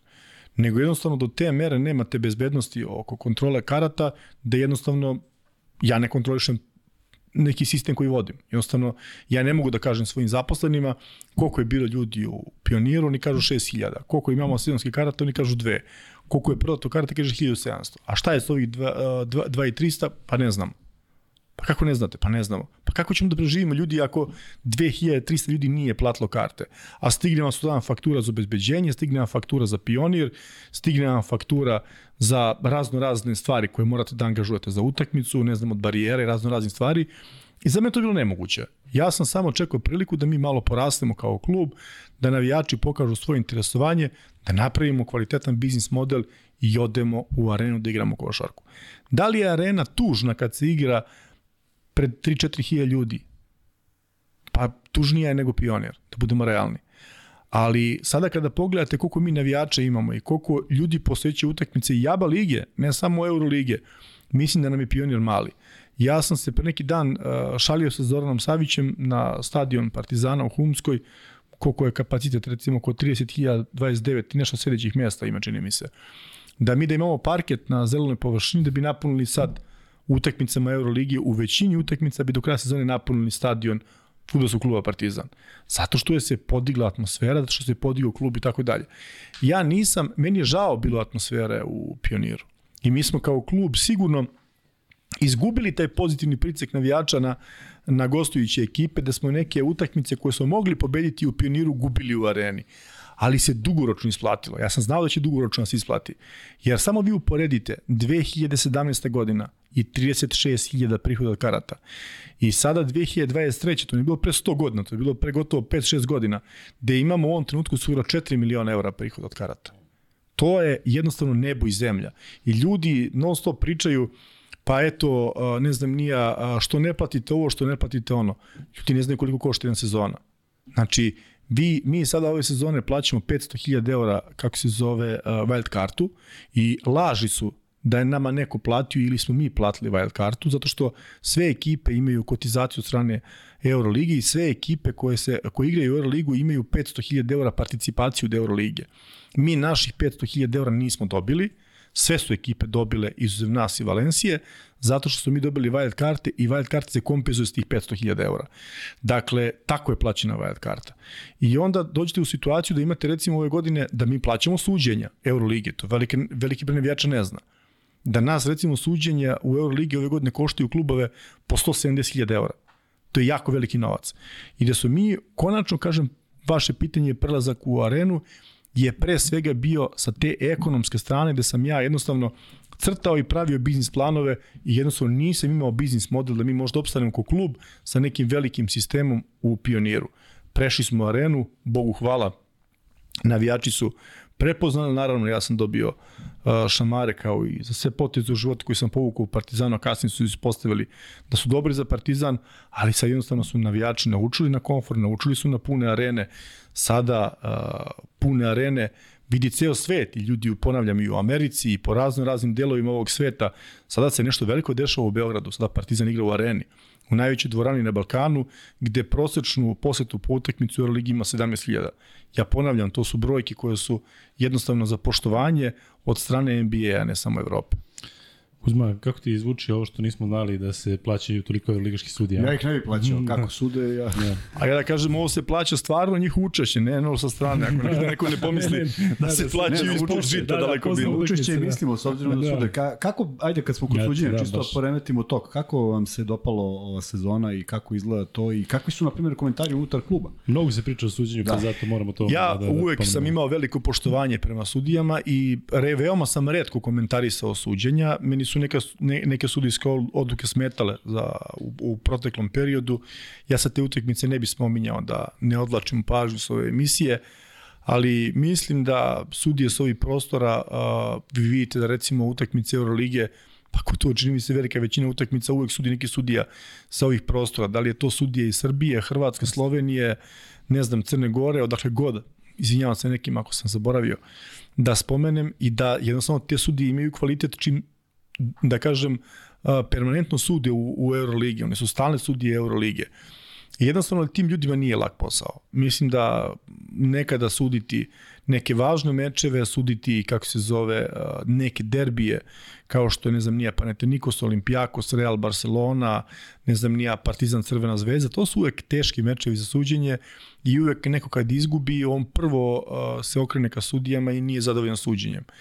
I mislim da sudije ovde korektno rade svoj posao i u, ja, kao ja ponavljam, ja sam bio nezadovoljan nekim sudijskim odlukama, veoma sam ih redko komentarisao zato što razmišljajući kak, kakav je njihov posao i jednostavno koliko je nekad teško doneti neku odluku da svi budu srećni i zadovoljni, sad se trudi da ne komentarišemo. To su ipak neki ljudi koji dođu među, ne znam, nija 10, 15, 20 hiljada navijača i trpe toliki pritisak i sad kogo god da zarade na nekoj utakmici, jednostavno mislim da se nekad ni, ni isplati trpeti toliki pritisak i toliki, to, to, to da kažem, toliki nekad nivo uvreda i kritika i tako dalje, ali ponavljam, mislim da imamo korektno suđenja i mislim da jednostavno uh, klubovi ne treba da vrše pritisak na sudije, jer time dobijemo nekvalitetna, uh, kako se zove, suđenja i da jednostavno bilo je tu svega i svačega i spornih odluka koje su nama napravile štetu.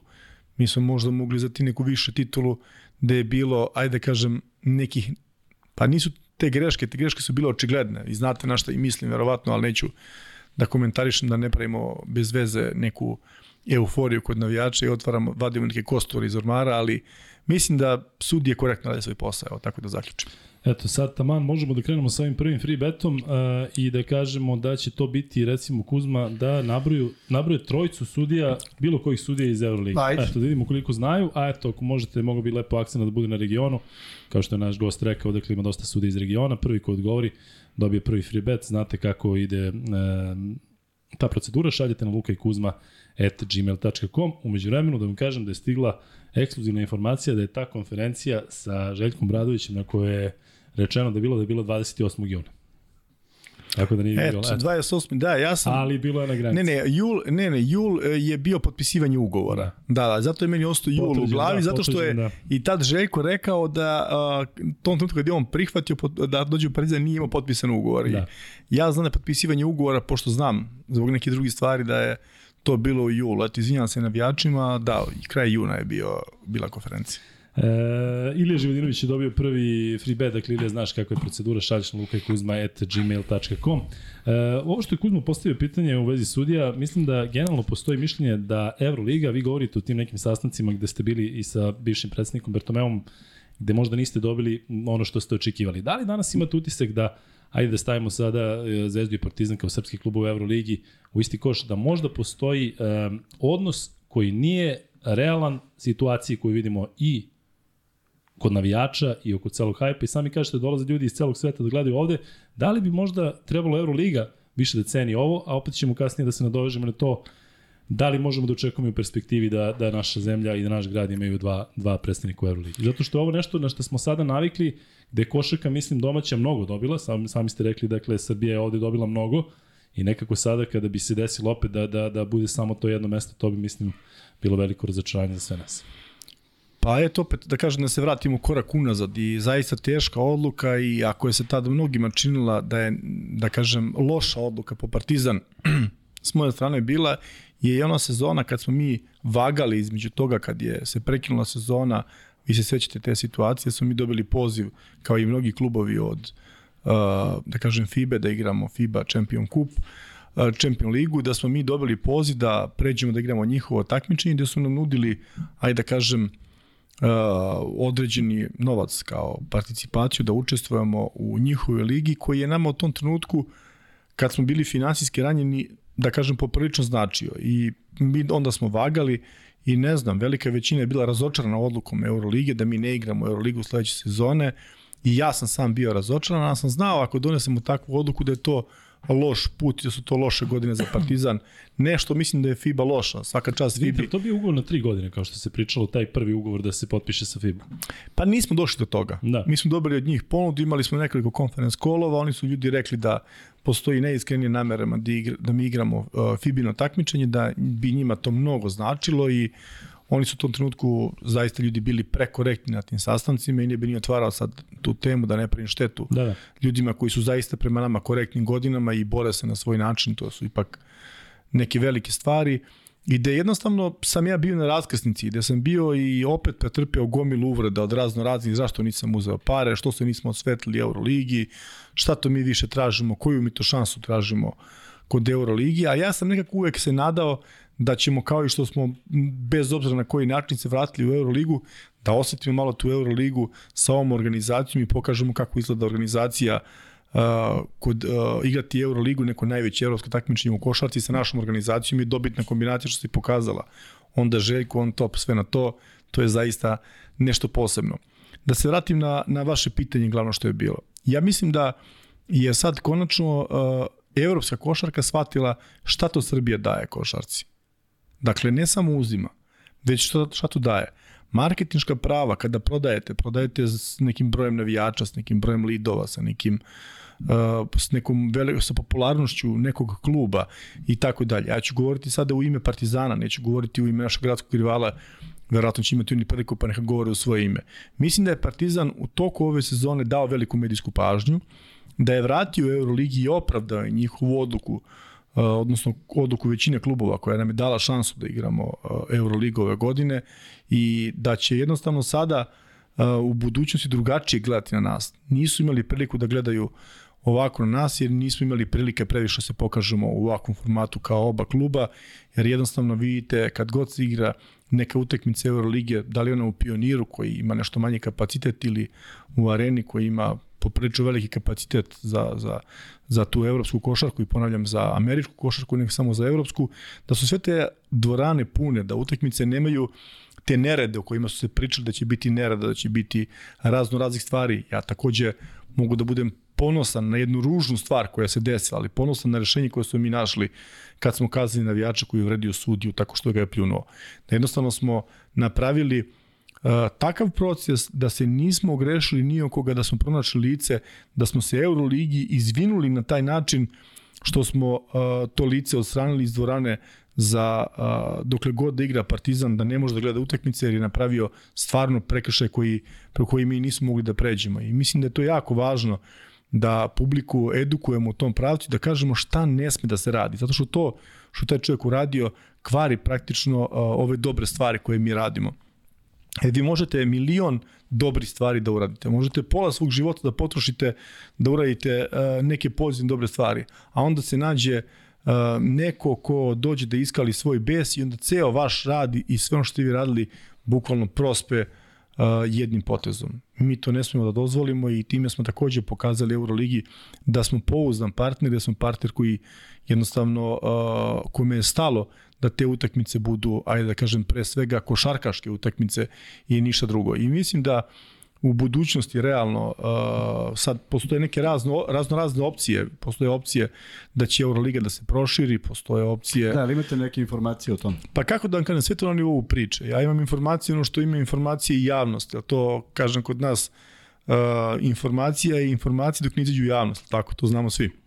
Nema nikakvih I kod nas, I kod nas nema informacije koje ne izađu u javnost. Znači, bukvalno sve danas, sutra, eventualno preko sutra, čak i ne može da stigne da bude bajat, to to već izađe u, kako se zove, u, u javnost. Tako da, pa realno je da se Euroliga proširi i mislim da zbog naše, da kažem ove ovde, da tako nazovem, jugoslovenske košarke, odnosno srpske košarke pre svega, ove balkanske košarke, a, važno je da se proširi Euroliga da ne bi stalno dolazili pod tu tenziju da mora samo prva kaba lige, da ne znam nija, nemamo drugi put i tako dalje. Sad vi kad saberete sve i oduzmete, da recimo ekipa koja igra Eurocup, dakle ona ima uh, dva načina da uđe u Euroligu. Dakle, može da uđe tako što je prva kaba lige i tako što je recimo prva ili druga ekipa u Eurocupu, zavisi kakva odluka te godine Eurolige da uh, ekipa iz Eurokupe dolaze prva ili druga. A onda je ekipa koja igra Euroligu, koji igra toki broj utakmica, tako napornu košarku, po svaku cenu mora da osvoji ABA ligu da bi sledeće godine igrala, Euroligu. I mislim da je to praktično nepravedno.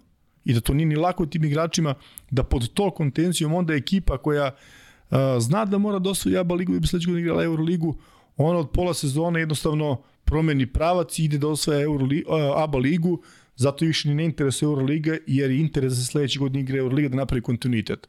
I onda jednostavno srpska ekipa, odnosno ekipa s ovih prostora, bila je tu i budućnost, jednostavno u nekom trenutku odustaje od evropskog takmičenja, okreće se ka ABA ligi i zato ekipe proteklih 8 godina nisu nikakve uspehe imale u Euroligi. A drugačije je kada vi znate da je vama obezbeđena Euroliga sledeće godine, da vi imate obezbeđeni deo financija zato što igrate takmičenje koje je najviše i onda dođete u situaciju jednostavno da imate rasterećenje, da igrate rasterećenije, da se borite i tako dalje.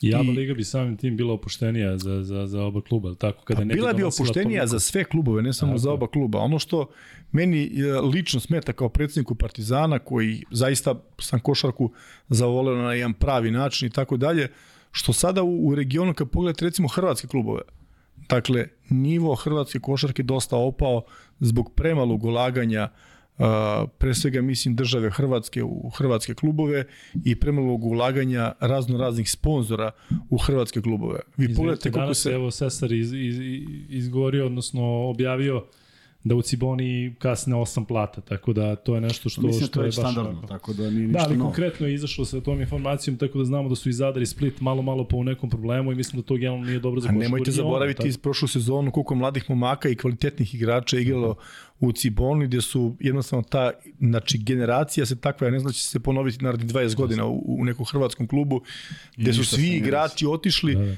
klub nije uzeo jednog eurocenta za njihovo obeštećenja i gde mora da dovede potpuno novu ekipu, a tu su isključivo finanske posledice. Mislim da javnost treba da zna da koliko je važna košarka, trening, koliko je važno osvojiti neki trofej, da je isto mnogo važno da klub uh, bude finansijski stabilan, da može da funkcioniše i isplaćuje plate. Jel? Kako da vam kažem, kad neko radi bez novca, nema tu atmosfera. Ako će neko da mi kaže da će neko da ima atmosferu, to se kod nas sad posmatra potpuno normalno, da igrači budu plaćeni. A da je neko na našem da. mjestu da mora svakog mjeseca da izvoji toliko novca, da nađe novac, ja mislim da bi mu se smučio život. Tako da svako tu ima svoj posao i evo, hrvatski klubovi su odličan primjer kako izgleda kada u klubovima nema financija. Sad ćemo mi da tražimo nekog trenera da napravi dobru atmosferu među igračima, da igrači budu presećni da igraju, a kad pođu kući ne mogu svati prodavnicu da kupe namernice za stan, nego mora da pozajme o, o, o novac od oca i majke da bi igrali košarku u nekom klubu. To je nemoguće. Ko to priča da je to moguće, mislim da živi u velikoj zabludi. Ali evo sada, spomenuli ste nešto i sad se dešava nešto što će zakačiti Partizan i Zvezdu ako se rasplet bude bio takav. Mi smo često pričali ovde, pa i prošle godine, a inače pričamo na sport klubu, šta se dešava onog momenta kada jedan od klubova ili oba kluba uđu u top 8. I sada koliko god priželjkivali, šta se dešava sa ABA ligom? A rekli ste da je to prioritet.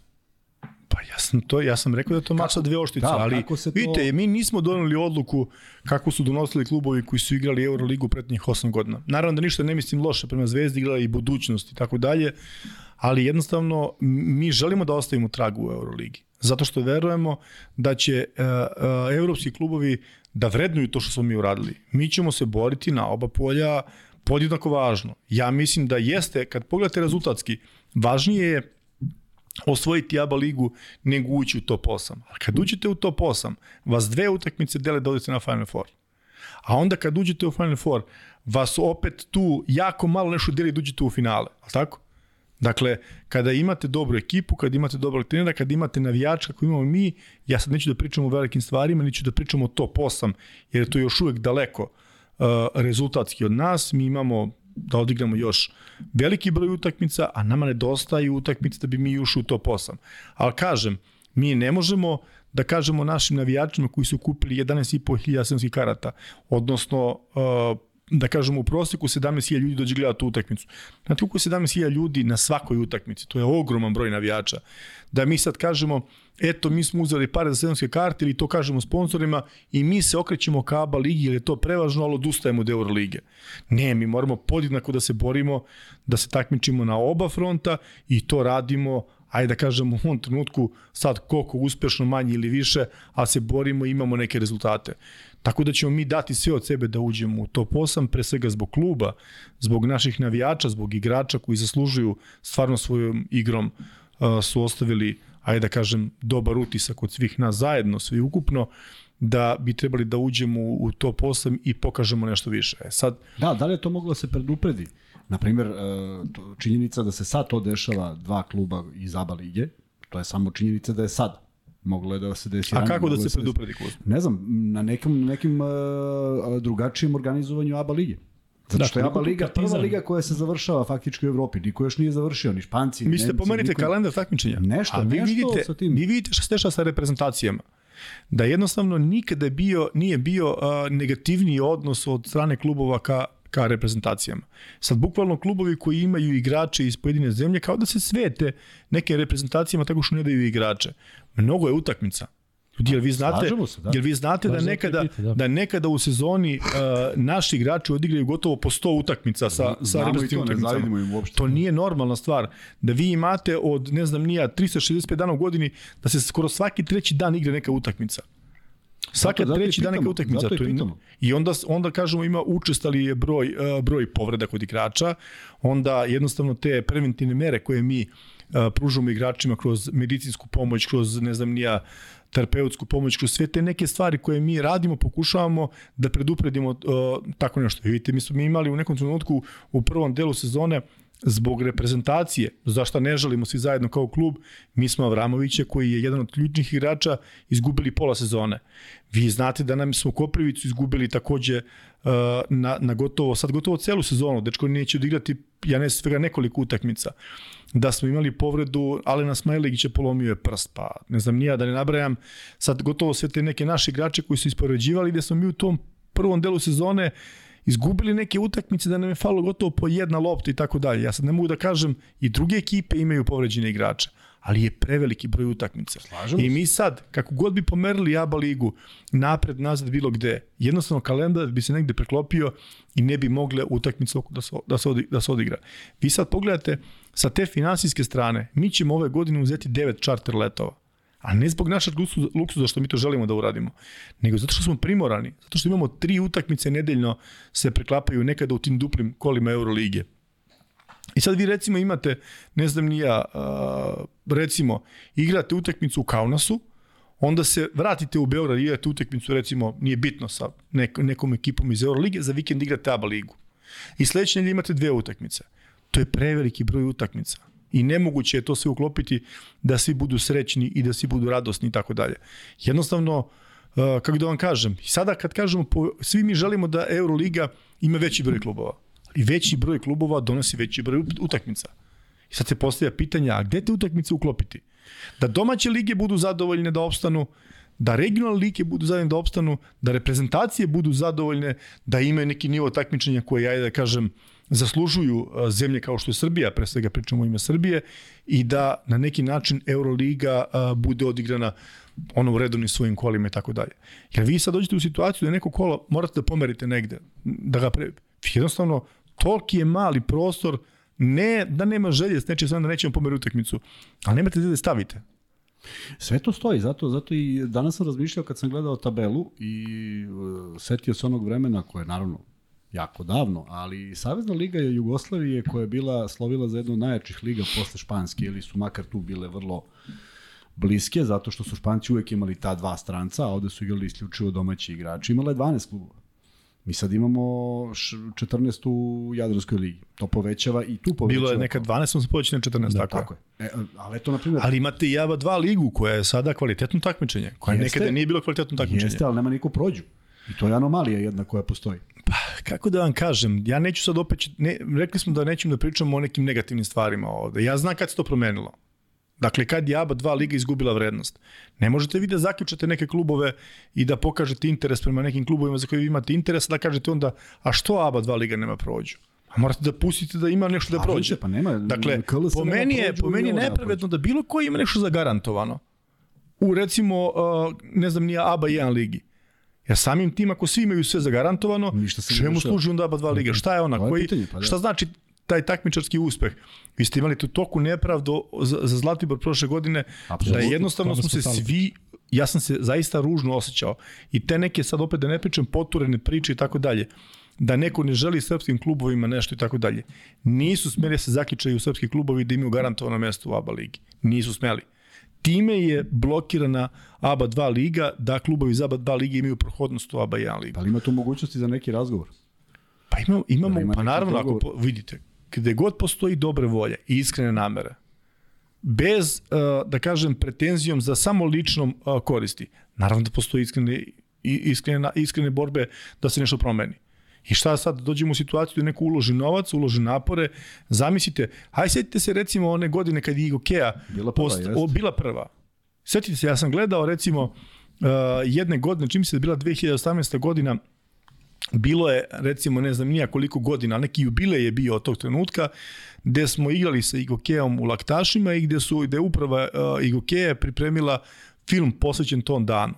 Ja realno u to vreme nisam toliko ni pratio košarku, živeo sam, nisam, nisam ni bio ovde i tako dalje, ali znam za tu situaciju i ja sam kroz taj film uh, jednostavno doživeo to kako su se oni osjećali pa ona utakmica kad su pobedili, pa kad su im saopštili da, da oni jednostavno uh, ne mogu biti prvi iako su prve sto utakmica da. ponavlja.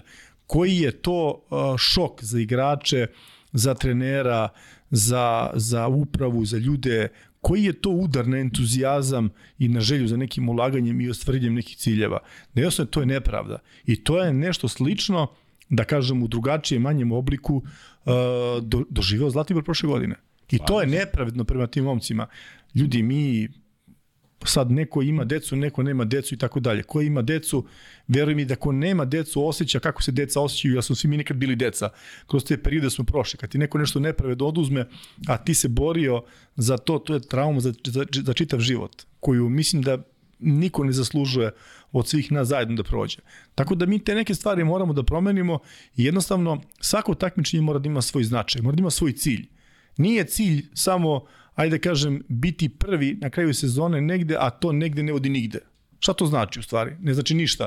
Znači to takmičenje gubi vrednost. A Partizan trenutno jeste u toj poziciji da mora da čeka neke odluke Euroligi, da se ne zna kako god je ova sezona, Što se tiče Euroligi, to može da se da se bude možda i na Final Fouru, ali da to ne donosi konkretno možda nešto za Narodnu ligu. Čak zvanično ni prvo mesto u ABA ligi, kao što je Bartomeo pričao, nigde na papiru ne donosi sledeće sezone Euroligu. Koliko je to pritisak da znate da gradite nešto sada što je potencijalno veliko i da onda može neko tamo da kaže pa da, ali to nije dovoljno. Ljudi koji su vodili ABA ligu, a čutali su na sva ta oduzimanja tih sigurnih pozicija ABA ligi, a znamo mi koliko ih je bilo nekada i tako dalje, na kraju se te pozicije topile, topile, topile i jedna pozicija koja je bila sigurna iz ABA lige se istopila i nekako smo došli da to bude wild card. I onda sad kažemo, ovaj, ne znam, Partizan je ove sezone dobio wild card. To bila ga i Zvezda. Zato što ABA liga nema, nema, nema sigurno mesto. To što postoji neko nepisano pravilo, gde je Euroliga rekla, pa daćemo wild card prvom u ABA ligi. Nema problema, ali to wild card. To nije sigurno izborno mesto nekim plasmanom. Evo sad na kraju sezone mi možemo veoma do, lako doći recimo u situaciju i da bez obzira ko osvojio ABA ligu ili ko je igrao top 8 ili Final Four ili bilo šta sutra osvojio, da osvojite Euroligu, vi nemate garantovano mesto u Euroligi. I recimo jednostavno sa one menadžerske strane, sa, sa, sa strane gde morate da napravite neki sistem da on funkcioniše, da date, uh, kako se zove, neki resurs ekipi i tako dalje, gde sad ja negde u, da kažem, jednom uglu svoga mozga kad razmišljam, mogu da pretpostavim da možda mi šta god uradili nećemo igrati u Euroligu. Da neko može kaže jednostavno promenila su se pravila, ta pravila su sad takva, više ne igrate Euroligu i tako dalje. Šta raditi dalje? Koje je naše rešenje? Jel uh, jednostavno živeti u, u nekoj neizvesnosti uh, kad vi nemate uh, sigurno sutra. Naravno, nije lako ni navijačima, nije lako ni igračima. Kad potpiš ugovor na dve Tako, godine, znam, da. dođe da igra Euroligu, vi igrate sledeće godine Eurokup. I sad šok za igrača koji vam ostane, ne znam, nija sa potpisanim ugovorom uh, od XY uh, nekih eura koji su veliki za Eurokup, gde nema prihod Eurokupu, vi ste planirali Euroligu koja na neki način vam nikako nije sigurna. Ja ponavljam, I mi i Crvena zvezda smo dobili wild card prošle godine. Zapravo za ovu, za ovu godinu takmičarsku. Dobili, tako što smo mi dobili, znamo kako, jer ruski klubovi nisu imali priliku da igraju, nažalost, zbog cele situacije, zbog uh, koje nam je sigurno svima žao. Ja se nikada nisam radovao što smo mi dobili uh, tu wild kartu zbog situacije koja je njih da. zadesila. Naravno sam bio srećan da. što je Partizan igrao Euroligu, ali se ne radujem na način na koji smo to dobili. Ali i osvajač uh, ABA lige dobio wild kartu. Tako da, jednostavno, ja ne znam, treba sesti razgovarati sa ljudima u Euroligi, treba pokazati neki zajednički interes koji je važan za srpsku košarku, opstanak srpske košarke, da jednostavno mora da postoji neka sigurnost za sve nas zajedno. Ja sad ne znam, mislim, ali nisam siguran, ako se ne varam da 2025. godine ističe ugovor Uh, klub 11 klubova koji su praktično osnivači, odnosno imaju imaju sigurna sigurna mesta u Euroligi. I kako će situacija biti gotovo za dve godine, kako će podela karata biti, naš strateški cilj je da to tad budemo sigurni partneri E- Euroligije i da možemo ravnopravno sednemo za sto i da kažemo koje je naše mišljenje. A mislim da je interes e, nas e, Srba, srpske košarke, da Srbija ima dva predstavnika u Euroligi. Ja ponavljam, ne kažem jedan, ne kažem samo Partizan.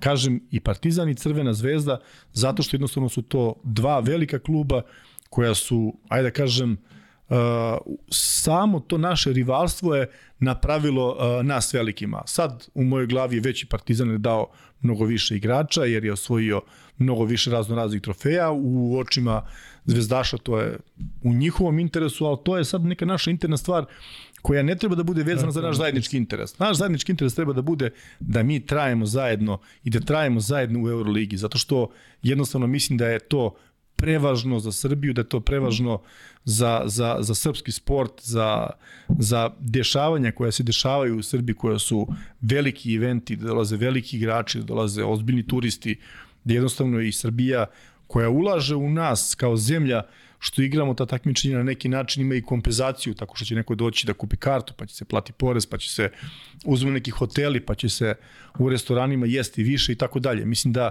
mi negde tu i kompenzujemo, takođe i vraćamo kroz, da kažem, taj pozitivni marketing.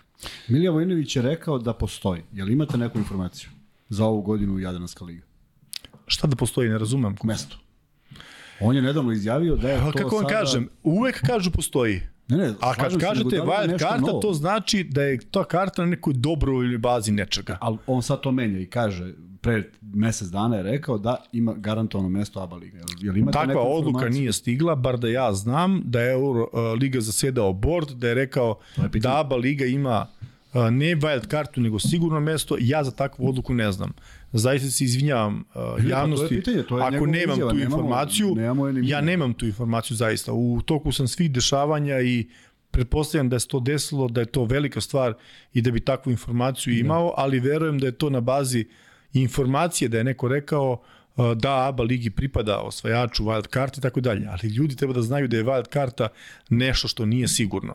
Znači sigurno kada vi kažete da ne znam nija ACB liga, VTB liga, ABA liga ili neka tamo četvrta liga imaju sigurno mesto tako što će prvoplasirani u tom regularnom takmičenju dobiti 100% sigurno mesto u uh, Euroligi. Kao što imate situaciju da recimo imate, ne znam nija, čas i odluka da prvi iz Euroli, uh, Eurokupa ide u Euroligu, čas je odluka da i prvi, drugi idu, pa onda ne znam nija neki klub koji je došao iz Eurokupa, je došao na wild card, ako uđe u top 8, da, da će igrati. različite. A jednostavno Monaco to su kombinacije, pričalo se o Monaku, ali to su jednostavno kombinacije koje nisu sigurne. Za mene je sigurno što je na papiru. To je jedino sigurno do promene odluke. Sve ostalo su virtualne stvari koje mogu da budu i ne mora da znače. Vanček, može da staviš sada pol da malo ljudi glasaju da li vam se više dopada kada Partizan igra u areni ili pioniru, meni je otprilike jasno u kom pravcu će ići e, taj procenat, ali evo sada kada pričamo o toj Euroligi, pa moramo da se vodimo samo po tom nekom osjećaju, vi ste ranije govorili o intuiciji, ali odlaskom Bartomeova sa pozicije predsednika i dolaskom e, u Euroligu, da li vam se čini da je malo drugačiji taj odnos i da su veće nade da, da Partizan i Zvezda, odnosno dva srpska kluba, ajde da kažemo, imaju, imaju svoje mesto u Euroligi i da one možda u nekom trenutku budu zagarantovane. Ide možda ka tome prema vašem nekom mišljenju i posle tih sastanaka i svega što se dešavalo. Da prokomentarišem prvo, ajde kako vi rekao ste, uh, recimo učešće Đordija Bartomea u Euroligi, dakle ne možemo mi da, da, da, da budemo nepravedni. Znači Đordi Bartomeo je puno stvari uradio za Euroligu, dakle on je svi znamo, ajde da kažem, tvorac ovakvog formata Eurolige, da li je to bilo dobro, nije bilo dobro, ja sad neću da komentarišem o tome, naravno, ja u tome nisam ni učestvovao i mislim da nemam uh, pravo da komentarišem tako nešto, ali on imao dobro, dosta, ajde da kažem, dobrih odluka, a imao je dosta, da kažem, po meni i loših odluka na kraju se ispostavilo da su tu ključni problemi bili, da kažem, međusobna komunikacija između klubova koja se dogodila gde su ljudi shvatili da nemaju komunikaciju i jednostavno su doneli odluku da mu se zahvale. Dolazak Dejana Bodiroge na mesto predsjednika Eurolige bi trebalo doneti nešto srpskoj košarci. Realno, Dejan Bodiroga je čovjek koji je rođen, ajde da kažem, u Trebinju, znamo svih gde je rođen, ali je ovde proveo je detinstvo i ne znam nija, skoro ceo svoj život živeo ovde, zapravo veliku većinu života, ako izuzmemo one, one njegove košarkaše godine što je igrao po inostranstvu i tako dalje, ali se deklariše kao Srbin i znamo da je da, da sve te njegovo, da kažem te neke stavove o Srbiji i košarci, mislim da bi trebali doneti nešto novo, ali opet s druge strane ne treba da imamo neka očekivanja koja koja nisu realna. Nije on sam tamo, niti on može sam doneti odluku. Mi znamo ko se pita u Euroligi, pita se većina klubova koja je, da kažem, u, toj, u tom skupu tih 11 kluba koji su praktično vlasnici Euroligije i jednostavno on će dati svoj pečet i svoje mišljenje na sve što će, ja mislim, biti u interesu uh, srpskih klubova, siguran sam 100%. I neke stvari su se promenile, neke stvari treba da se promene i tako dalje. Kada napravite da je takmičenje održivo, kada napravite da sistem funkcioniše, ja mislim da ste vi napravili neki pomak, je tako? Znači jednostavno, neko može da se svidi nešto, neko može da se ne svidi nešto, ali ako sistem funkcioniše, ako on daje rezultate, vi morate da kažete da je taj sistem korektan, kvalitetan.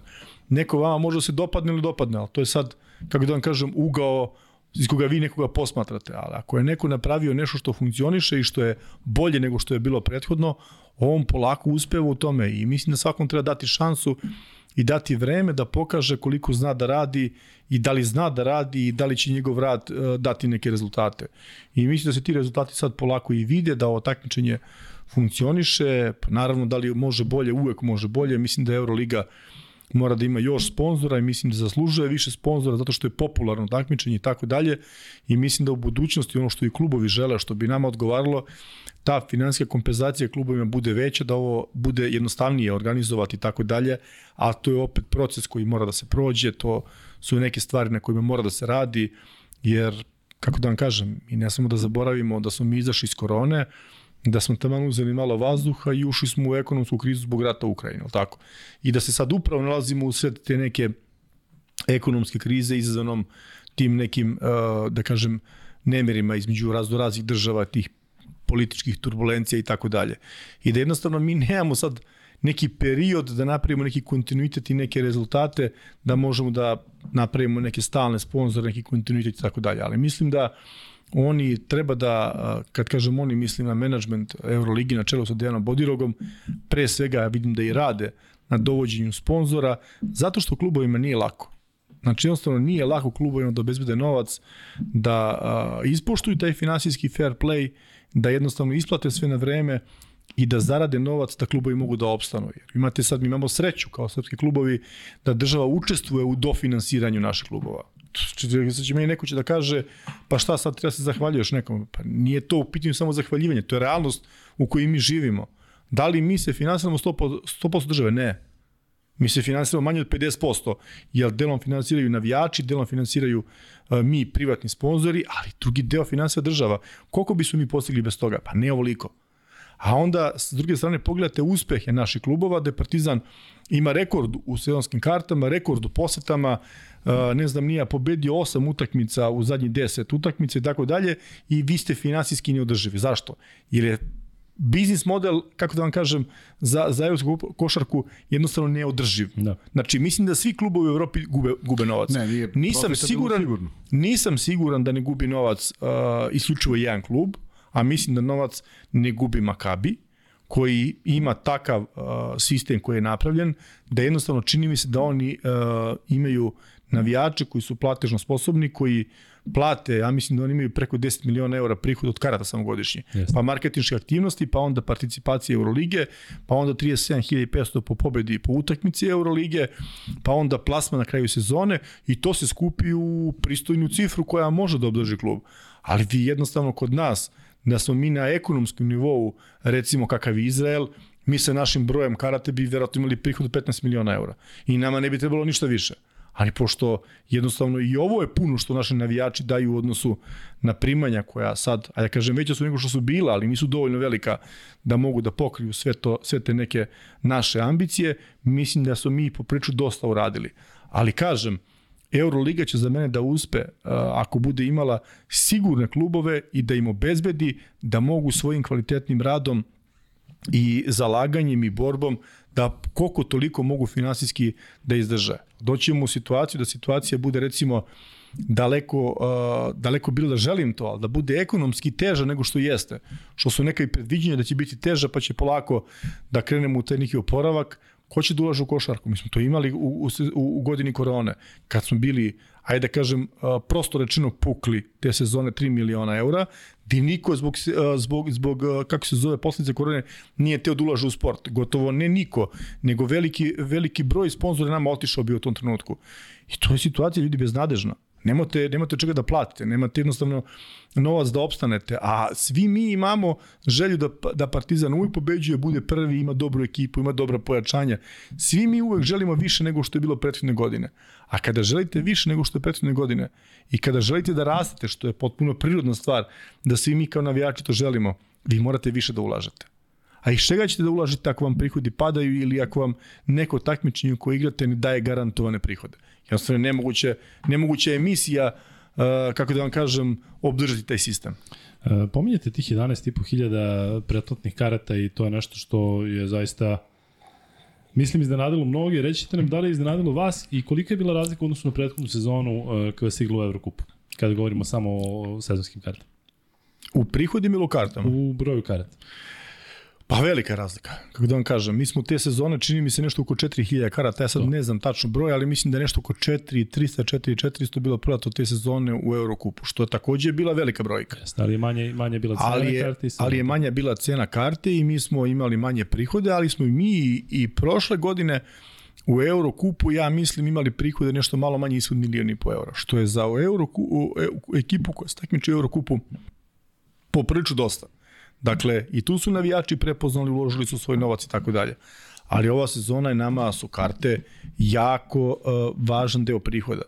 Znači, jako važan deo prihoda. I ono što sam baš teo da kažem sada, ja sam done odluku bio 2018. godine da nema besplatnih karata. Te sezone je podeljeno 30% besplatnih karata po navikama ljudi gde su pomislili da to može tako. Onda smo godinama polako koje su dolazile iskoranili to i mi ove godine nikom nismo dali niti jednu besplatnu kartu.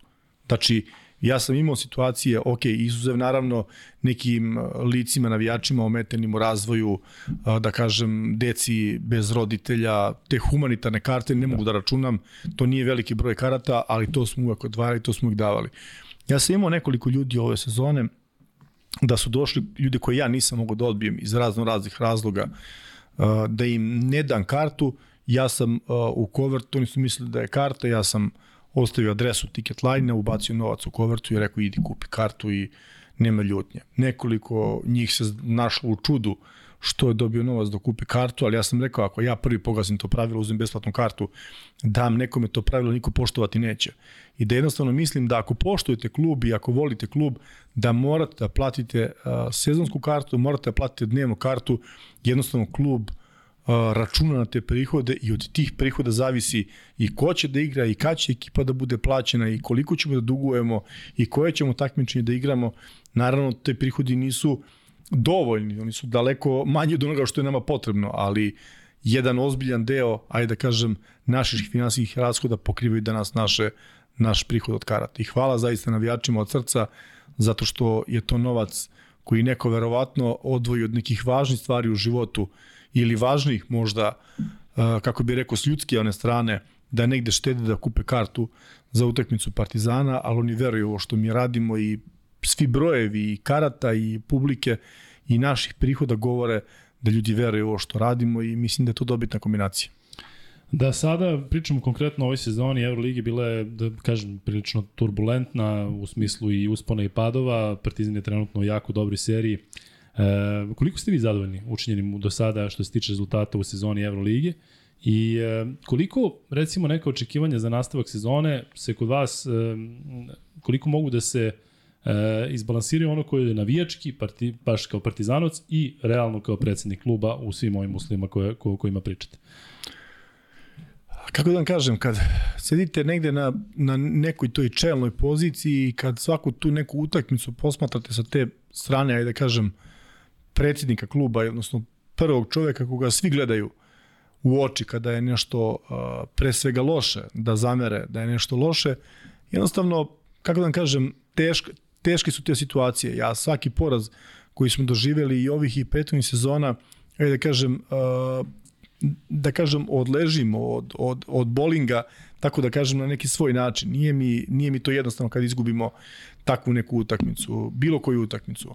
Ali generalno ove sezone, kada pogledate, mi smo sezonu krenuli na način na koji smo krenuli, stvarno su nas zaista omele povrede pojedinih igrača, malo pre sam pričao o tome i mislim da smo izgubili neke utakmice koje smo, svi znamo, mogli da dobijemo, koje bi nam i tekako značilo u ovom nekom trenutku, ali bože moj, neke smo utakmice takvi dobili u tim završnicama, to je košarka, to je sport jednostavno. Ali ne mogu da budem nezadovoljan. Dakle, Uh, važno je da nastavimo uh, ovim trendom u kakvom smo sada, u ovakvom ritmu i mislim da su igrači uh, sa Željkom pronašli ritam i po, ušli su taj, da kažem, uh, pobednički kolosek u ovom nekom trenutku i mislim da je samo jako važno da takvu atmosferu sačuvamo, da nastavimo ovako da igramo, da nastavimo se borimo i kako da vam kažem, nije ni problem kad neku utakmicu izgubite, ali problem je kad se ne borite. To je najveći problem kada vidite da se momci ne bore i da jednostavno neku utakmicu izgube tako što nisu pokazali svoj maksimum. Naravno, nekad dođe ekipa, pogodi na nekoj utakmici sve, ne znam kako da igrate, ne može pobediti tu utakmicu. Jednostavno, to je potpuno normalna stvar u sportu i ne samo u košarci, nego u svakom sportu. Ali mislim da naši, naši igrači su i tekako shvatili šta Željko od njih, ho, od njih hoće, da su shvatili šta je klubski interes u ovom trenutku, da vide priliku i za sebe i za klub i za neku svoju budućnost i da oni tu priliku u ovom trenutku jako dobro koriste. Vi ste videli Danas je neka vest, negde usput videh, izašla o procentima, recimo u ABA ligi kod naših igrača, gotovo naših 7-8 igrača su između 60 i 40 procenata u šutu za 3 pojena. Dakle, to su brojke koje su stvarno zaista fascinantne za košarku i to su ozbiljne brojke. Vi ste videli kako igra Matijas Lesor ove sezone i da sad nabrajem te pojedince, ima ih dosta i Exum i svi naši ti i domaći i strani igrači i ono što je zaista ovaj, od velike vrednosti u ovom trenutku stalno se pričati domaći strani igrači i tako dalje. Da, tome se priča i sada. Vi vidite kakva je situacija sa našim stranim igračima. Ja sam siguran da nigde u Evropi ne postoji klub gde strani igrači više doživljavaju košarkašku sredinu i osjećaj gde igraju i da su se srodili sa navijačima nego što to, to u Partizanu. Naši igrači, stranci, ovaj, uh, većina njih znaju sve Partizanove pesme. Većina naših igrača stranih je naučilo dosta uh, uh, srpskog jezika. Ja recimo, kad smo bili uh, u Izraelu, u Tel Avivu na utakmici, sam, nisam ni znao, recimo Kukolesor zna srpski. Seo sam s njim da razgovaram, onako pričali smo, pričali smo malo, pa smo prešli da pričamo uh, sa engleskog na srpski, čak 80% zna srpski. Čuli smo dakle, posle meča onako budućnost da poznaje onako relativno. ali to, ali to je, ali to je stvarno velika da. vrednost tih momaka. Yes. To je stvarno velika vrednost tih momaka i kako da vam kažem, vi vidite da igrači koji su igrali u Partizanu, mogu da kažem Gos, mogu da kažem gomila tih igrača da ih ne brajem pojedinačno, nisu zaboravili svoj klub. Recimo vidite Mur koji je igrao prošle sezone, momku kojem istek ugovor i tako dalje, s kojim smo mi na vezi, s koji je osta, jednu sezonu igrao u Partizanu i koji je se toko zaljubio u Beograd i u Partizan i on i njegova porodica da jednostavno, kako da vam kažem, to je jedna a, ozbiljno važna stran za klub, za stvar za klub, da i stranci imaju osjećaj pripadnosti klubu, a ne samo da dođu da igraju za novac, da nemaju nikakvu emociju prema klubu.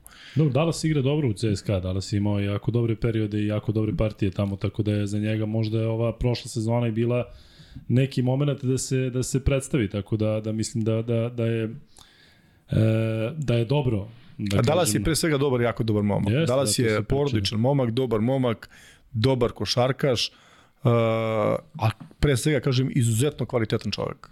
Kada govorite o kvalitetnim ljudima i o svemu i o tom nekom, e, nekom zajedništvu i zaista deluje verovatno i vama iznutra više nego i nama sa strane da su zaista složili neke kockice, ali se te, često tokom ove sezone pričalo o pojačanjima. I Brozijanski je jedino pojačanje koje, koje koji je došao u Partizan i to se zna da je bio samo trenutno tu. Da li je bilo nekih razgovora tokom sezona o novim pojačanjima? Vi ste nekoliko puta skrenuli pažnju da se o tome pita samo trener i da je to Željkova odluka i da vi čekate njega, ali sada više ne deluje da je, da je možda potreban, potrebno pojačanje. Da li za nešto više je možda ipak potreban još neko? Posebno ako uzmemo u obzir da, da, da, da može opet da bude povreda i svaki svačak. A mislim da je ova, da ova ekipa, da kažemo, ovaj skup ovih momaka pokazao da mogu da prave velike rezultate i mislim da proteklih ajde da kažem, dva meseca uspehe koji su napravili kao tim na čelu sa Željkom Obradovićem su pokazali da mogu da rade velike stvari. I mislim da je ispravna Željkova odluka bila da na kraju ne dovede neka pojačanja velika i tako dalje. Bruzijanski je došao zato što smo u tom nekom trenutku imali povređena, povređena dva, dva, dva centra. Sad nekad Smajlagić igra krilnog centra, nekad centra i tako dalje. I Koprivica smo te visoki igrači imali, ajde da kažem, na, na, na klupi za lečenje igrača i tako dalje. I da je on došao da, ajde da kažem, popuni taj neki prostor i tako dalje. I on je momak odigrao koliko odigrao, ali je opravdao svoju ulogu za koju je došao tu. I ne mislim da su uvek pojačanja nužna. Da kažem, kako vam kažem, treneri koji nisu sigurni u sebe i nisu sigurni u svoj rad, kada izgube nekoliko utakmica, uvek krenu da se pojačavaju. Dakle, i tu nastaje najveći problem za neku ekipu, zato što jednostavno svako izgubi svoju ulogu od igrača. Ono što mu je bilo obećano početkom sezone, da će biti njegova uloga, te uloge tim silnim pojačanjima se menjaju i na kraju ekipa izgubi koncept i uglavnom te sezone budu poprilično, ajde da kažem, izgubljene. Tako da mislim da našoj ekipi svako zna svoju ulogu, svako zna ko se, ko, šta, šta trener očekuje od njih i bilo je igrača koji su grejali klupu, a su čekali svoju priliku i pokazali su uh, da zaslužuju da igraju. I mislim da tu sa naše, kada kažemo Partizanu, nema nepravde prema igračima i mislim da svako ko zasluži Željko mu da šansu. Bile su razno razne priče, ne znam, vama ne igraju mladi igrači, vama ne igraju srpski igrači, a niko vam nije rekao da su nama tri srpske igrača bila povređena. Kažem, Koprivica u nekom trenutku, Smajlagić i Avramović. I onda mi ne uzimamo za ozbiljno te priče, već se bavimo svojim poslom kao ozbiljni ljudi u ozbiljnom klubu, čekamo svoju priliku, igrači se oporave i nastavimo da igramo.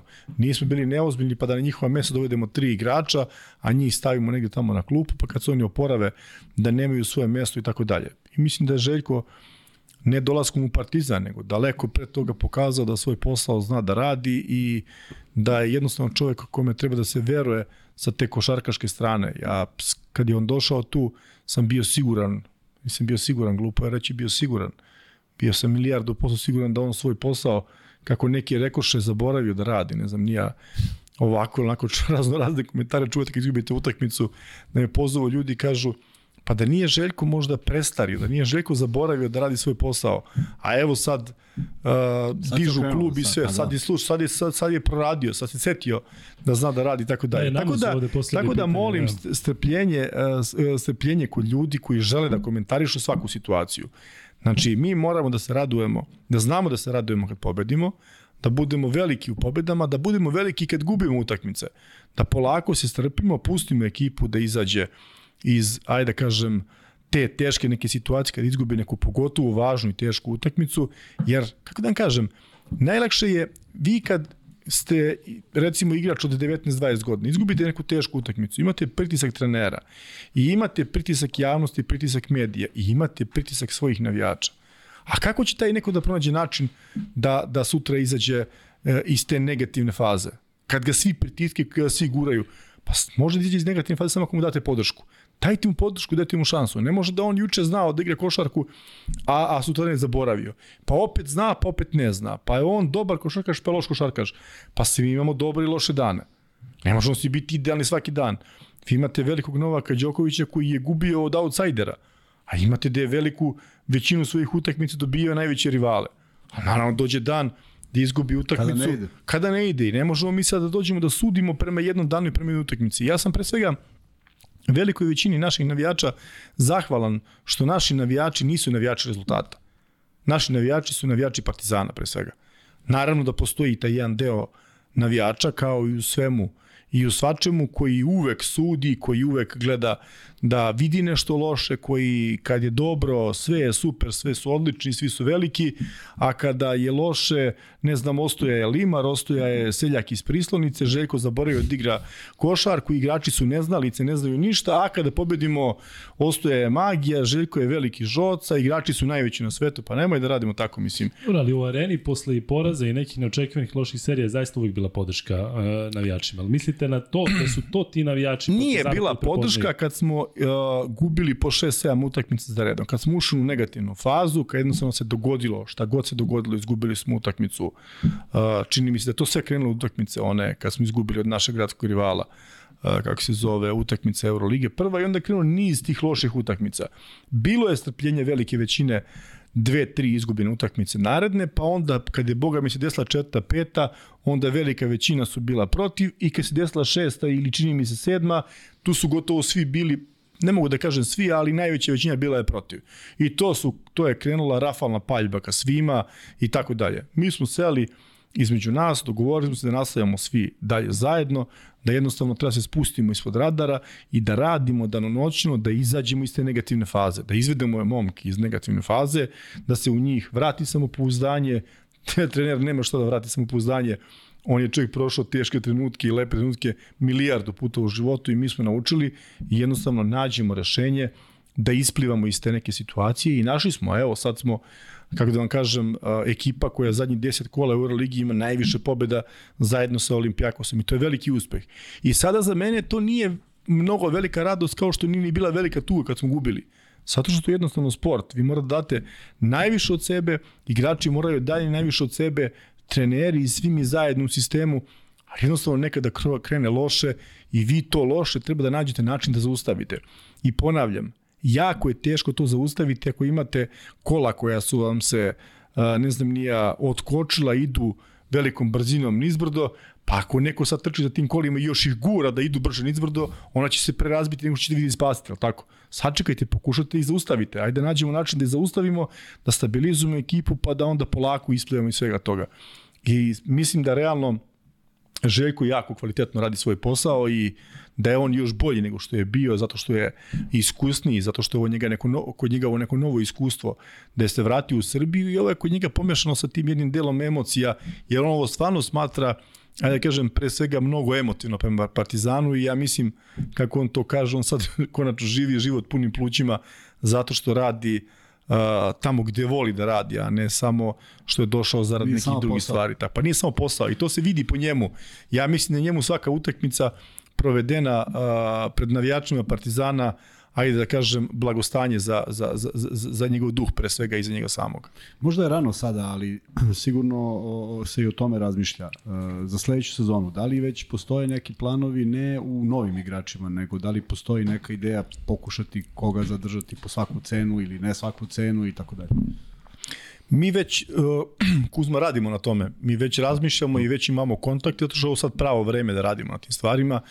Februar mesec je mesec u kome morate da razmišljate polako to pita Nikola o narednoj sezoni. Ali naravno, ali naravno, uh, kako vam kažem, uh, to ne izlazi u javnost, to su tek, da kažem, neki sirovi planovi koje mi sad kreiramo u ovom trenutku i mi moramo da znamo šta ćemo da radimo sledeće sezone. Ne možemo da razmišljamo u maju šta ćemo da radimo u julu, zato što jednostavno to je nemoguće i polako razmišljamo o narodnoj sezoni, ali malo pre smo pričali o tome jako je teško razmišljati o narodnoj sezoni zato što ne znate prvo gde ste.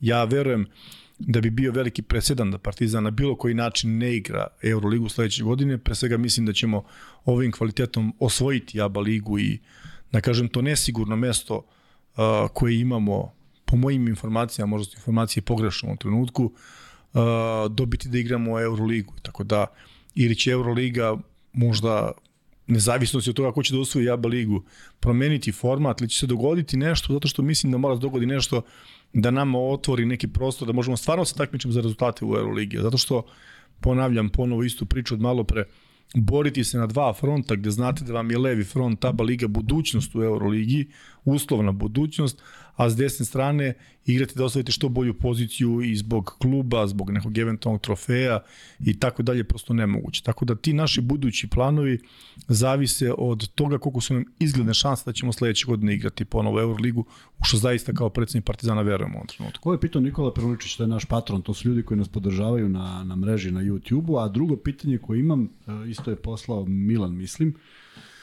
Da li ima nekoga sada i od bivših igrača Partizana na, na batu? Da li imate neki problem koji stoji ili je sve regulisano? Pa ne računajući ove dugovanja koje ste mislim pričali. da nemamo. Zadnji, zadnji čini mi se da bat da je bio Rašon Tomas, to smo sad završavamo taj sporazum i to je bio igrač koji nisu mogli da dogovorimo. Kako vam kažem, igrači odlaze na bat kad nisu zadovoljni uh, ponudom koju, koju klub da. Uh, mi dolazimo u situaciju veoma često da imamo, kako se zove, uh, da kažem, ljudi koji ne razumeju situaciju. Ako vi uh, želite da promenite neku sredinu kao igrač, onda mora da postoji razumevanje obe strane, a ne samo vaše. Mi smo se trudili da zadnjih par godina igrači koji su odlazili, evo sad recimo ne znam nija, otišao je glas, otišlo je puno nekih igrača i tako dalje u prethodnom periodu, to su igrači koji su uh, isplaćeni, koji su finansijski rešeni, gde nisu ostali repovi. Uglavnom, zadnji batovi koji su bili, to su i dalje bile posledice onih ugovora iz korone. Mi prošle godine nismo imali iz prošle sezone ni jednog igrača koji je otišao na bat. Zapravo su prošle godine svi igrači isplaćeni, izuzev neke možda dvojice igrača nisu primili desetu platu iz nekih tehničkih razloga, računa i tako dalje, što mislim da je sad umeđu vremenu i, i to rešeno.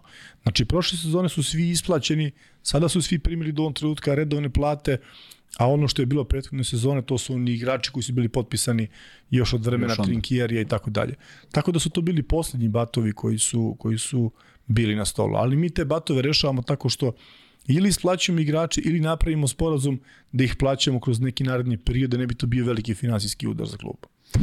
Da. E, Kuzma, ovde možemo da zatvorimo sada ovaj e, pol, dakle, e, da li im se više dopada kada Partizan igra u areni ili pioniru, Vanček zatvori 1250 glasova?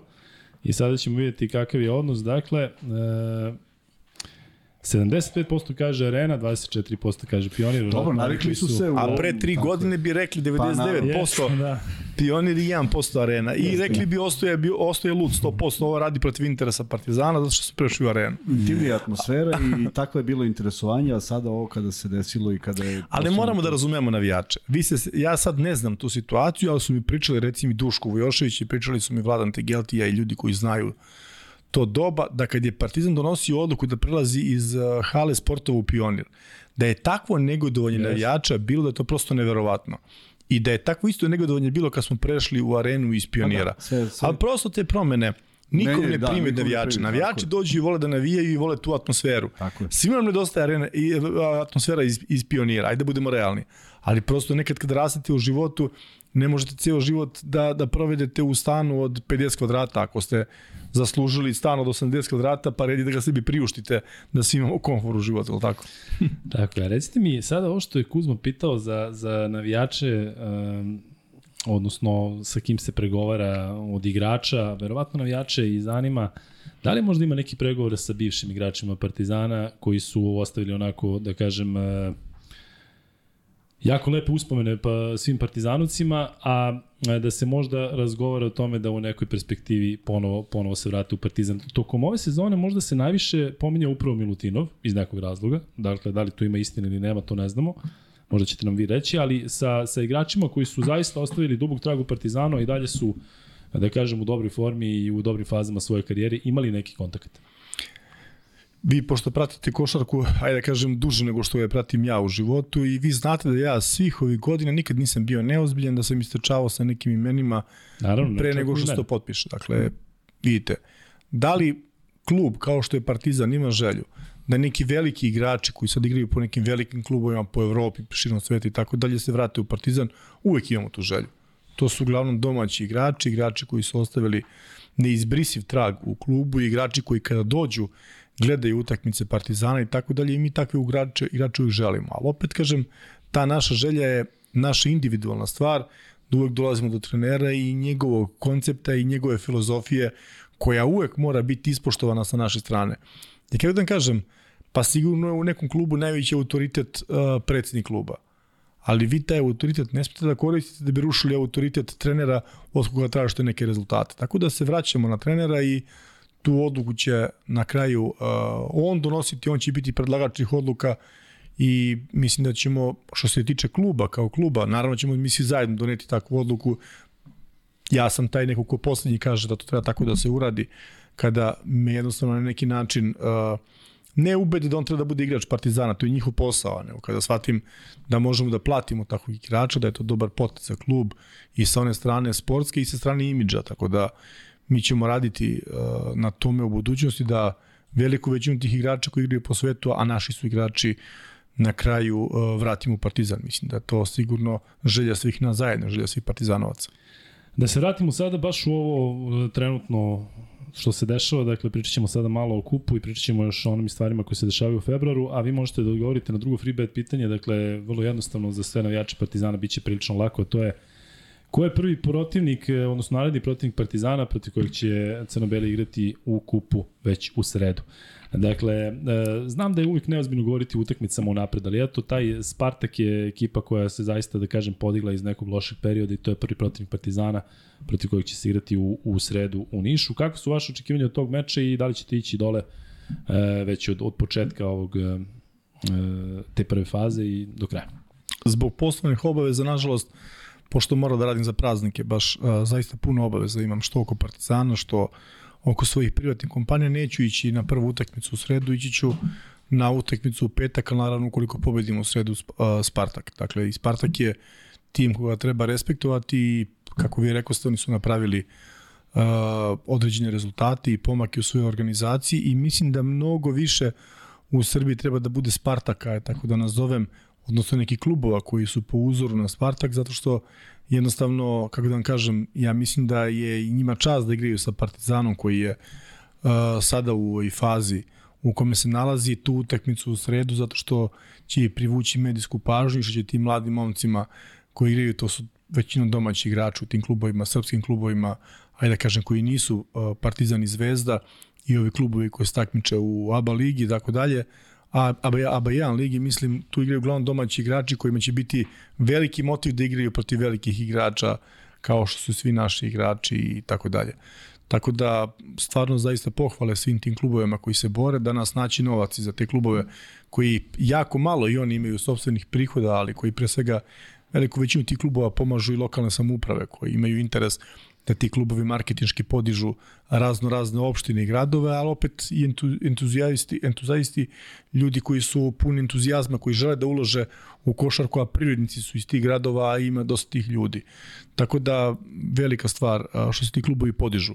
I taj, kažem, kup Radivija Koraća treba da bude praznik srpske košarke, a ne a, kako da vam kažem, neko borilište na život i smrt koji se dešavao proteklih godina da treba neko da izgubi glavu da bi 100% morao da pobedi da se trofej kući. Ja trofej želim Partizanu da ne bude, da nisam potpuno jasan i želim da mi a, po svaku cenu taj trofej osvojimo, a i ako ga ne osvojimo, nastavimo da se borimo, nastavimo da se takmičimo, ne samo da imamo pritisak tog trofeja, apsolutno ni u kom slučaju, zato što igramo dva važna takmičenja koje su nam mnogo važna i ne mogu da kažem važnije od kupa Radivoja Koraća koji je opet važan kao kup, kao neki trofej i tako dalje, ali znamo mi šta su nam prioriteti i tako dalje. Mi posle te, tog vikenda košarke treba da nastavimo pobedničkom, pobedničkim ritmom bez obzira na ishod svega toga, a verujem da će taj ishod biti povoljan za Partizan. E, govorite o tome što se dešava posle vikenda, u ovom februaru i taj poslednji prozor Fibinog, e, Fibinih kvalifikacija za svetsko prvenstvo, ono što je, ajde da kažem, spojilo i Zvezdu i Partizan, to je da su dali igrače u tom prošlom prozoru, prozoru da li možemo da očekujemo isto sada za mečeve sa Grčkom i, i Velikom Britanijom?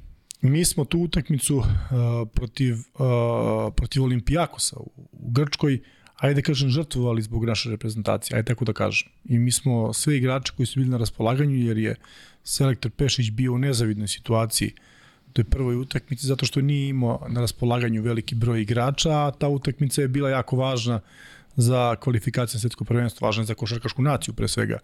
Mi smo tu utakmicu izgubili nešto malo ispod 30 razlike, ako se ne varam i tako dalje. Ali jednostavno smo dali igrače reprezentaciji, doživjeli smo da smo izgubili Avramovića na pola godine i tako dalje. Mi ćemo i ovaj put dati reprezentaciji igrače i nama se utakmica ne poklapa sa utakmicom reprezentacije, mi igramo dan pre sa Fenerbahčevom i mi ćemo sutradan dati igrače koji budu bili na raspolaganju, poslaćemo i za Grčku neka odigraju tu utakmicu, ali već ta utakmica druga protiv Engleske, čini mi se da tu uh, smo, obe ekipe su slobodne, tu uh, prozor Jeste. u Euroligi, tako da će tu biti, da kažem, uh, konfornije za oba kluba, ali moramo da gledamo te nacionalne interese, ali opet moramo da razumemo da postoji i klubski interes. I treba naći, ajde da kažem, zajednički interes da niko ne pretrpi štetu od svih nas zajedno, a da reprezentacija od na svetsko prvenstvo mislim da je to od da kažem, jako velikog značaja, pre svega za srpsku košarku, za sve nas Srbe, koji na neki način, evo, sve vreme gledam ovaj naš dres reprezentacije ispred mene i prosto sam ponosan što stoji ovde ispred mene sa ovim našim grbom. Smemo da, da poklonim. Srpskom krunom i tako dalje. Ja bih voleo da mi ga Da, da. poklonite. Ali to je, ovaj, znaš, zna, zna, znate šta je to? Dres reprezentacije Srbije košarkaša u koliciju. A, bravo, svaka čast. Onda je stvarno zaista još, još više poseban. Evo, stvarno. Možemo da napravimo jedan ako budete želeli. Pa eto, zaista bih želeo. Hvala vam I želeo bi da, da, razgovarao sam sa Zokijem Savićem, potpuno sad menjam temu, ali znam da je bila ogromna gužva na početku sezone i evo, odličan šlagvort. Imamo jedan klub u Beogradu koji se zove Soko uh Mhm. -huh. i bilo bi izuzetno da ako Partizan može da stupi u kontakt s njima, zato što Crvena zvezda je stupila u kontakt sa Singidunumom, tako da Despot iz Beograda je stu- stupio sa Megom i ja nisam teo Zokija da, da nešto preterano angažujem, znam da imao hiljadu drugih stvari, ali evo jedna ideja da se da se napravi jedna dobra priča sa tim klubom, da se pomogne, da budu dočekani na utakmici, da jednostavno ljudi da ljudi upoznaju te momke jer su zaista veliki heroji i stvarno bi bilo divno da se i Partizan uključi pošto se vrlo verovatno pravi nešto što će biti pandan ABA ligi košarke u kolicima. I onda bi bilo divno da Partizan, pošto već radite humanitarne stvari kroz različite projekte. Pa da. Da. Vrhunski predlog Kuzma, ja evo već prihvatam uh, vaš predlog, stupit ćemo svima u kontakt, Veso, već Veso. sutra reći Zerano. Veso, javljaj! Tako je, javite se sutra i kako da vam kažem, Uh, vi veliko poštovanje tim ljudima koji u takvoj uh, situaciji, ajde da kažem životnoj situaciji pronađu volju i želju da se bore i da ostvaruju neke sportske rezultate. I tim ljudima moramo svi zajedno da pomognemo kao ljudi, a ne kao klubovi. Tako je, slažem Zato što stvarno, ja ne znam, kad god smo imali neki predlog vezan za neke humanitarne stvari, da i sad nabrajem, bilo ih je uh, na dosta ih je bilo proteklih godina i tako dalje, uvek smo prihvatili poziv, ispoštovali Ja veoma često znam da kada ljudi mi se jave, ne znam, putem društvenih mreža ili pronađu e-mail, pošto ih ima, ima ga na sajtu, na sajtu mojih kompanija ili na Partizanov i tako dalje, veoma često se javim tim nekim navijačima, pa pomognemo sa, ne znam, nija, nije, ovom uslugom, sa onom uslugom, da li je to uh, humanitarna karta i tako dalje i mislim da moramo da mislimo jedni na druge zato što je ovaj život pre svega prekratak da bi se mrzeli i da ne bi pomagali nekim ljudima kojima je stvarno pomoć neophodna. Kad pogledate mi uh, koji imamo taj dar od Boga da smo zdravi, da smo sposobni da vučemo, moramo negde sebe da damo malo i drugima, tim ljudima koji nemaju tu priliku i tu sreću koju, koju mi imamo u životu da budemo ajde da kažem, uh, potpuno zdravi i potpuno ispravni. Tako da... Ja sam bio četiri godine s njima i bilo je pravo uživanje, vrhunski rezultati, vrhunski momci, što je najbolje, vrhunski košarkaši. Uh, crpimo kvalitet iz nekih 20 25 i apsolutno smo zemlja sa najmanjim brojem uh, registrovanih košarkaša, eto uspeli smo čak da dođemo i do te B divizije i da pobedimo Grke u Grčkoj. To uvek pričam zato što je to jako redko. Svaka vam čast smo na ih, tome, ovaj, zaista. na Puna njihovom podrška. terenu. Hvala puno. E, nego sad e, e, Zoran Vukomanović ima I jedno dobijate pitanje. dvojica mnogo čestitki na, na ovaj, evo sada, Eto. neformalni dogovor koji ste napravili, tako da zaista sve pohvala. i i Zoran Vukomanović ima pitanje Hvala. koje smo preskočili, to jest nismo ga preskočili, sad sam ga video. Pričali ste o kartama i svim ostalim. Kako ide sa prodajom dresova, majica i nečega što Partizan ima? Mi smo sad taj projekat završili i ovaj mi otvaramo butike. Jedan otvaramo u Areni, otvorit ćemo jedan na Zlatiboru i tako dalje. Imaćemo nekoliko tih butika i pripremali smo te modne linije, ajde da kažem, koje su i bile promovisane negde, ja mislim da na, na, na već naše kalendara i tako dalje i da bi sad trebalo negde praktično da krene prodaja sa našim dresovima, sa našim majicama, sa razno raznim tim stvarima iz nekih naših modnih kolekcija i mislim da je to takođe ajde da kažem jedan kanal uh, kroz koji klubovi mogu da prihodu da prihoduju ostvare neke dodatne dodatne neke benefite, tako da ćemo mi to u budućnosti razvijati. Mi to u prošlosti smo kao klub nismo koristili zato što je ta, a, to pravo bilo dato nekoj drugi drugoj kompaniji koja je imala mogućnosti ko, ko, koliko imala, mi znamo koliko je se to radilo i tako dalje, ali mi sad to podižemo na jedan viši nivo kao i mnoge druge stvari koje smo radili u Partizanu. Evo, privodimo kraju, ima još nekoliko, još nekoliko pitanja, eto da vas, možemo sada da samo kažemo da je Leo Armando dobio drugi free bet, Leo znaš kako Leo je Armando. procedura, da, lukajkuzma.gmail.com, tako Vanček, to je bilo, to je bio tačno, nam još jedan free bet. Evo, sada, e, kada privodimo kraju, da vas pitam, e, govorite o, e, prvo, kakav je odnos sa navijačima? Kažete da je i tu bilo dosta turbulencija, čak i ove sezone, odnos sa navijačima koji su, eto, e, tako dobro odradili posao što se tiče sezonskih karata, kakav odnos imate sa njima kao klub i kao predsednik? Kad mislite, kad kažete navijače, mislite na sve navijače, ne mislite na južnu tribinu. I jedno i drugo. Pa kako da vam kažem, oni su svi naravno navijači Partizana, ne mogu da ih razdvojim da kažem južna tribina i navijači, ali nekad ljudi kad kažu navijači, uglavnom mislim na navijače koji su organizovani na južnoj tribini, ne mislim na sve ostale. Ja sam se uvijek trudio za sve ove godine da imam korektan odnos sa navijačima, ali nisam se nikad navijačima dodvoravao u smislu aj damo sve karte besplatne da bi Ostojan Jejlović bio veliki predsednik kluba ili da radim nešto na štetu kluba, a da radim uh, isključivo u sobstvenu korist. Bilo je tu nekih nepopularnih poteza koje sam ja povukao, ali svi su ti nepopularni potezi bili na moju ličnu štetu, ali u interesu kluba. I svaki moj potez koji sam povukao je na kraju bio u interesu kluba. I nekad to navijači ne razumeju, nekad razumeju. Sad kako su godine prošle su stekli, velika većina je stekla poverenje u mene. Naravno ima tu i oni prerušenih navijača po društvenim mrežama koji su navijači nekog drugog kluba, koji se predstavljaju kao navijači Partizana, pa ne znam, nije mene nazivaju razno raznim pogrednim imenima, pa izmišljaju mi razno razne profesije ili neke svoje, neke moje, kako vam kažem, neke navike u životu koje imam, a koje nikada nisam ni imao i tako dalje, ali ja znam ko su ti ljudi, odakle to dolazi, tako da me to ni ne pogađa. Ja nisam čovjek ni koji puši, nikada se nisam drogirao u životu, nemam te neke, nemam te neke poruke u životu. Ovo što, ovo što jedni pričaju, ne znam nija, da sam homoseksualac, ovakav, onakav, ja imam porodicu i dva sina i nikada u životu nemam ništa protiv tih ljudi koji imaju takvo opredeljenje, ali ja ga nikada nisam imao i uvek sam jednostavno uh, to gledao sa jednom, ajde da kažem, dozom kako vam kažem, nikada nisam Jasne, mogu da podržim da. tako nešto, jednostavno mislim da to nije prirodna stvar, a kad neko se odluči na tako nešto, ja nemam ništa protiv, neka ide svojim putem i ja nisam neko ko mrzi i ko, uh, ko ima nešto protiv tuđih, kako se zove, uh, navika u životu, kako, kako god ih nazvali tako dalje. Tako da sam navikao na te kritike i navikao sam na te razne izmišljene priče.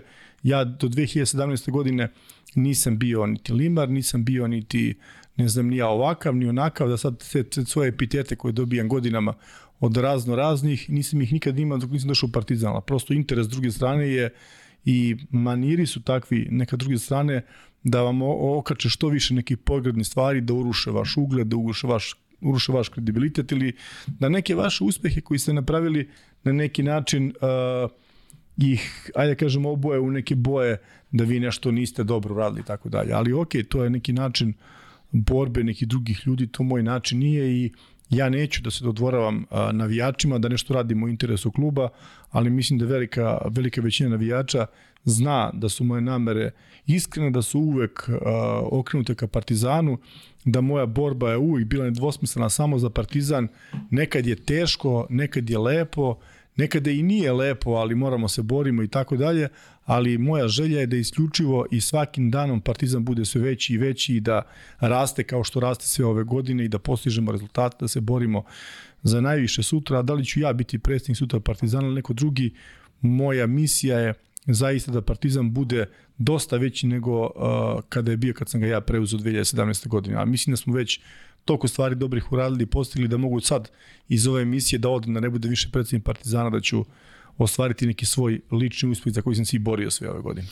Jedno interesantno pitanje od našeg redovnog navijača Crnog Robara, redovnog gledalca. Da li planirate da uvedete klubski autobus kako Partizana sa oznakama kluba? Da li postoje takvi plan?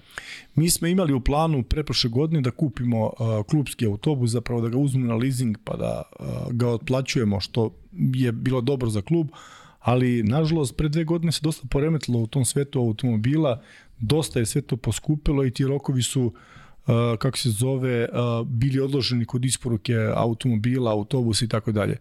Mislim da će se ta, ta situacija stabilizovati, jer polako se stabilizuje situaciju u ekonomiji i mislim da bi mi kao sportsko društvo Partizan trebali da uzmemo neki autobus, jer sam ja i predsjednik sportskog društva Partizan, da uzmemo neki autobus gde će moći košakaški klub i ovi drugi klubovi da koriste taj autobus. I mi imamo sada pregovore sa nekim kompanijama koje bi bili eventualno sponzori sportskog društva Partizan, imamo neke aktivnosti koje pokušavamo da pretvorimo i da kažem uh, u novac u, koša, u sportskom društvu Partizan i mislim da prva investicija koju ćemo uraditi kao Jugoslovensko sportsko društvo je bit, će biti nabavka jednog autobusa koji će biti zajednički za sve dole klubove koji nisu finansijski ajde da kažem, toliko stabilni da mogu da plaćaju prevoz za igrače, svoje takmičare i tako dalje. I verujem da bi to bio jedan od najpunijih autobusa u Beogradu, jer bi jednostavno klubovi imaju ozbiljnu potrebu za, za tako nešto. Tako da će to biti investicija uh, Jugoslovenskog sportskog društva.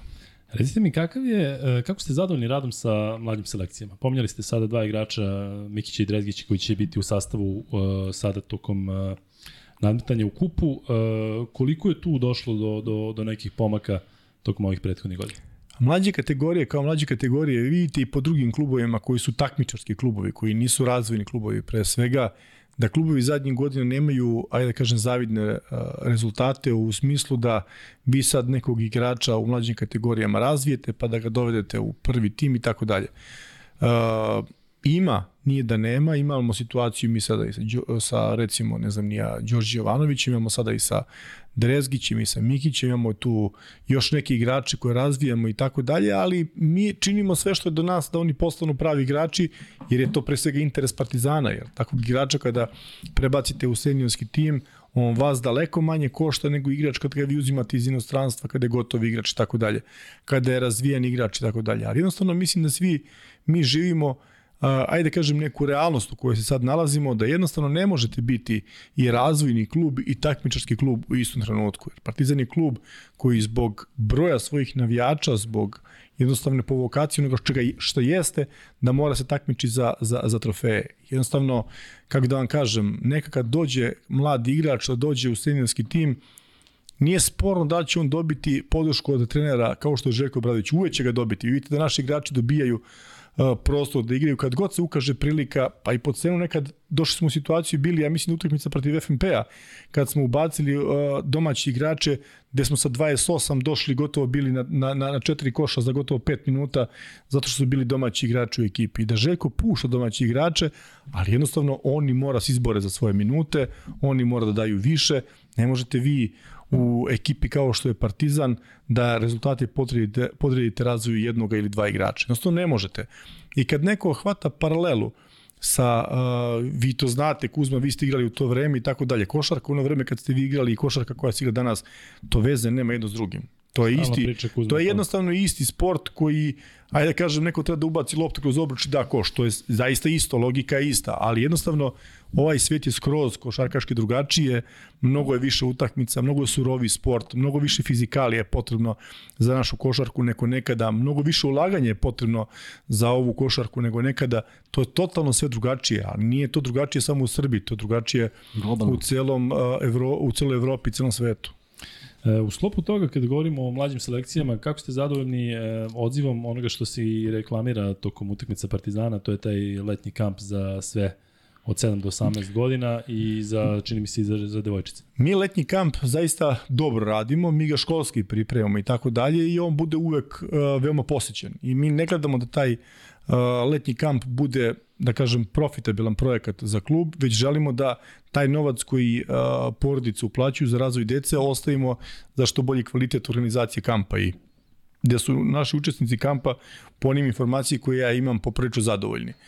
E sada, kako da vam kažem, vraćamo se ponovo na onu istu temu. Jednostavno, ti kampovi treba da imaju za cilj da iznedre neku, neku, nekog novog košarkaša, da mlađe kategorije dobiju nekog novog igrača, da onda, ne znam, nija kadetski tim dobije nekog dobro kadeta, da onda u seniore pređe neki kvalitetan igrač, ali jednostavno taj proces je dosta spor i jednostavno nema to kvaliteta kao što je bilo ranije. Nije da on ne postoji, on postoji, ali u dosta manjoj meri postoji nego što je nekada postojao. I sad mi da ne budemo, kako da vam kažem, i tu uh, da nismo u krivu, ajde kad tako kažem, Nekada je pre 20 godina kad se igrala košarka, mnogo manje bilo interesovanja a, pojedinih klubova u Evropi za košarku nego što je danas. I vidite koliko imate novih klubova, koliko imate novih organizacija, koliko su organizacije koje su nekada bili košarkaške male organizacije, danas su ozbiljne da kažem, sportske institucije i tako dalje. Sve je nekako poraslo, sve se nekako, nekako diglo na viši nivo.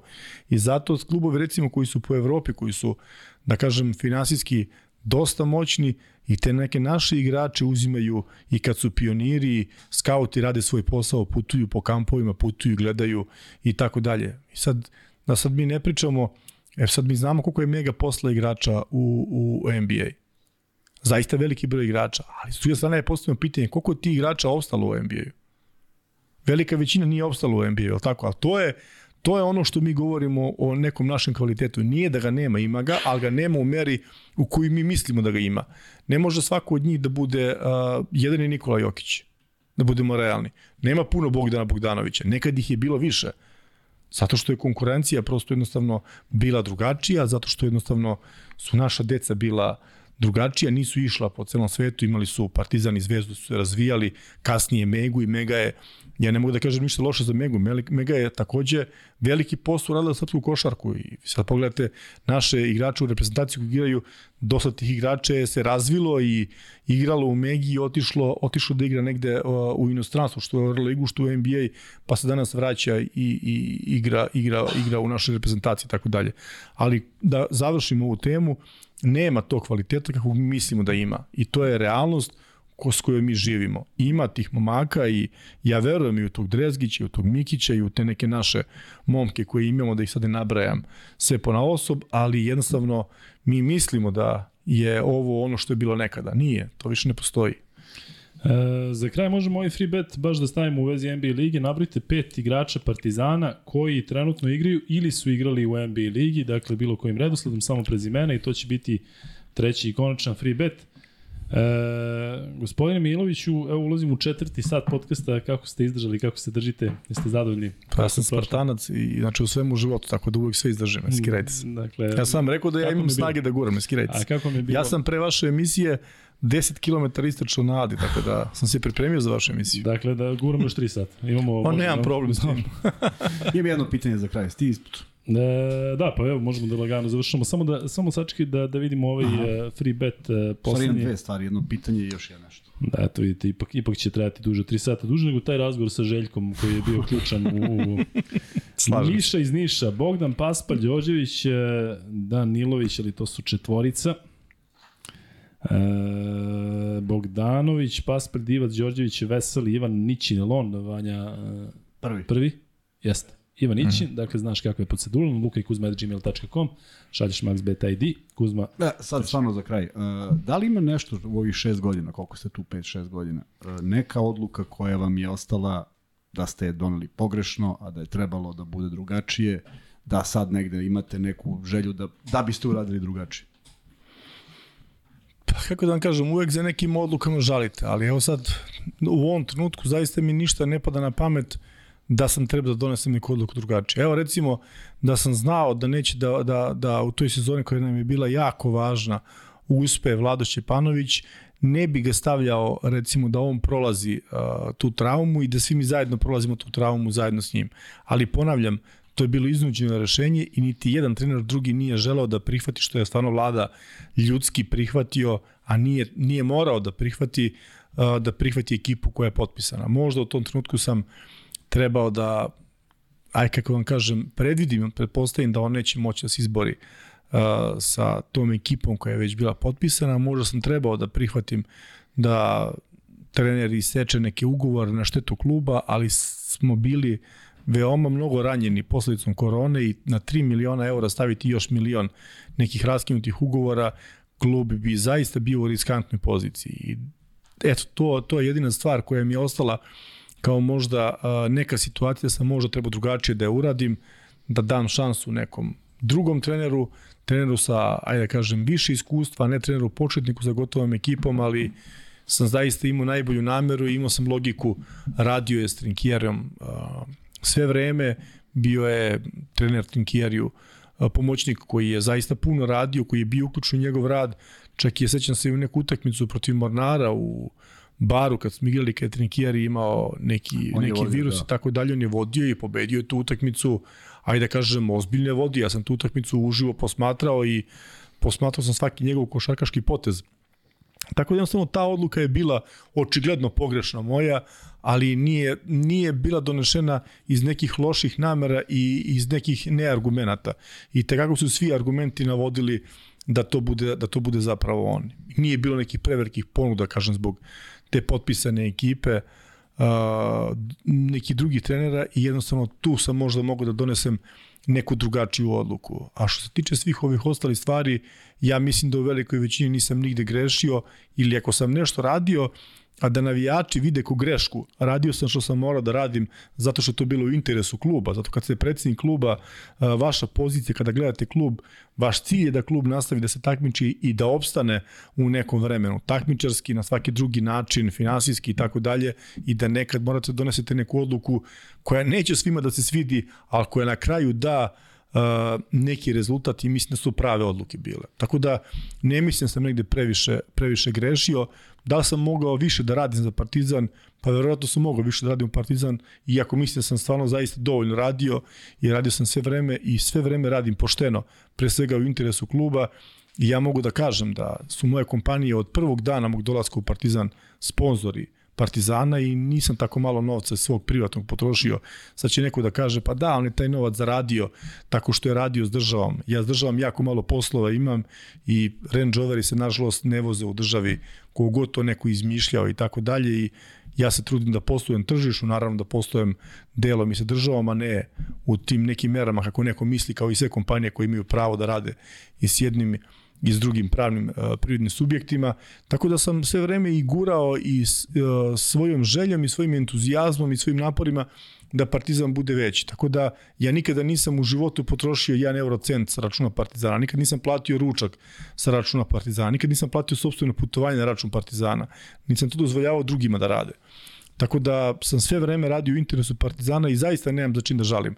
Ja vam kažem, bio predsednik još uh, četiri godine kako mi traje mandat ili bio predsednik još četiri dana ili četiri sata, zaista nemam za čim da žalim zato što su mi uh, jednostavno misli čiste prema Partizanu, da nikada u životu nisam ništa uradio na štetu Partizana. Ja sam sto puta rizikovao svoj, uh, svoju poziciju u svakom smislu, da će neko da mi napravi štetu. Vi se setite situacije, recimo, one uh, ekipe koja je napravila onu situaciju na čelu sa Veljem Nevoljom Juže Tribine, kako, kako je moja porodica uh, prošla ajde da kažem, prošla traumu od pre svega napada na mene, pa na moju rođenu sestru, pa na porodicu, razno razne pretnje koje nisu bile naivne. Samo taj deo da izvučemo iz svega ovoga, pa je nekom previše u životu, da kažem da je dao negde više sebe nego što je smeo da da i što je trebao da da i da je sebe izložio, ajde da kažem, nekoj situaciji da može da izgubi život od zbog partizana i tako dalje. Ali za tim zaista ne žalim. Kada pogledam gde se danas nalazimo, zaista sam ponosan na to što sam 2017. godine prihvatio da budem predsednik Partizana i što sam s ovim ljudima, ja to nisam sam, nego ljudi koji rade u klubu i ljudi koji su upravi i koji rade za Partizan, smo prošli zajedno jedan ozbiljan put i napravili smo jednu ozbiljnu trasu iza nas. Sad će neko reći verovatno da, koji su trofeji koji ste vi osvojili, a ja bi odmah mogu da i pitam, a gde ste vi bili? Evo sad ja kažem moje mesto nudim slobodno, ako neko može više da da ili više da uradi, ja sam spreman sutra ujutru da se povučem ako je to u interesu Partizana. I zaista tako mislim, evo nek se javi kogod hoće, ko želi da da svoj novac, javite da uloži svoj novac. Ja. Slobodno se javite, otvorit ćemo, da. ali samo da vidimo da procenimo to stvarno realno će da više.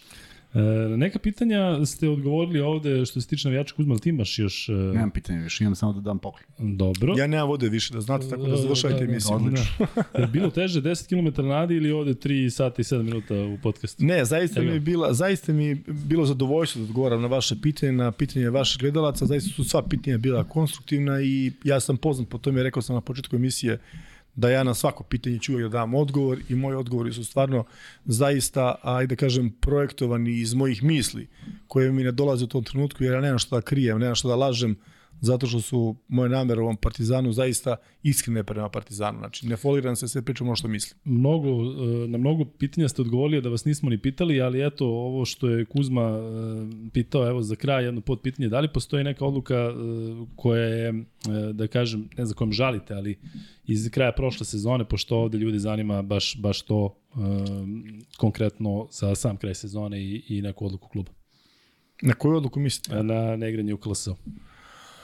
Kako da vam kažem, ja u tom trenutku kad smo doneli tu odluku da ne igramo u KLS-u, ja sam je smatrao uh, pogrešnom odlukom, ali jednostavno kada radite uh, neki posao i deo ste nekog kolektiva, iako ste na čelu nekog kolektiva, ako, da kažem, velika većina proceni da ne trebamo da uradimo uh, tako nešto smo radili, jer će to da dovede Partizan u jednu nezavidnu situaciju, pre svega kod kandidature Eurolige, da možemo da igramo Euroligu. Ja mogu sad da kažem kogu god smo napravili štetu u srpskoj košarci, ako smo je napravili, s druge strane smo izbegli neki veliki incident koji je mogo dogodi, koji bi bio samo nastavak onog skandala uh, finala ABA lige, a bili se svedoci svi svega.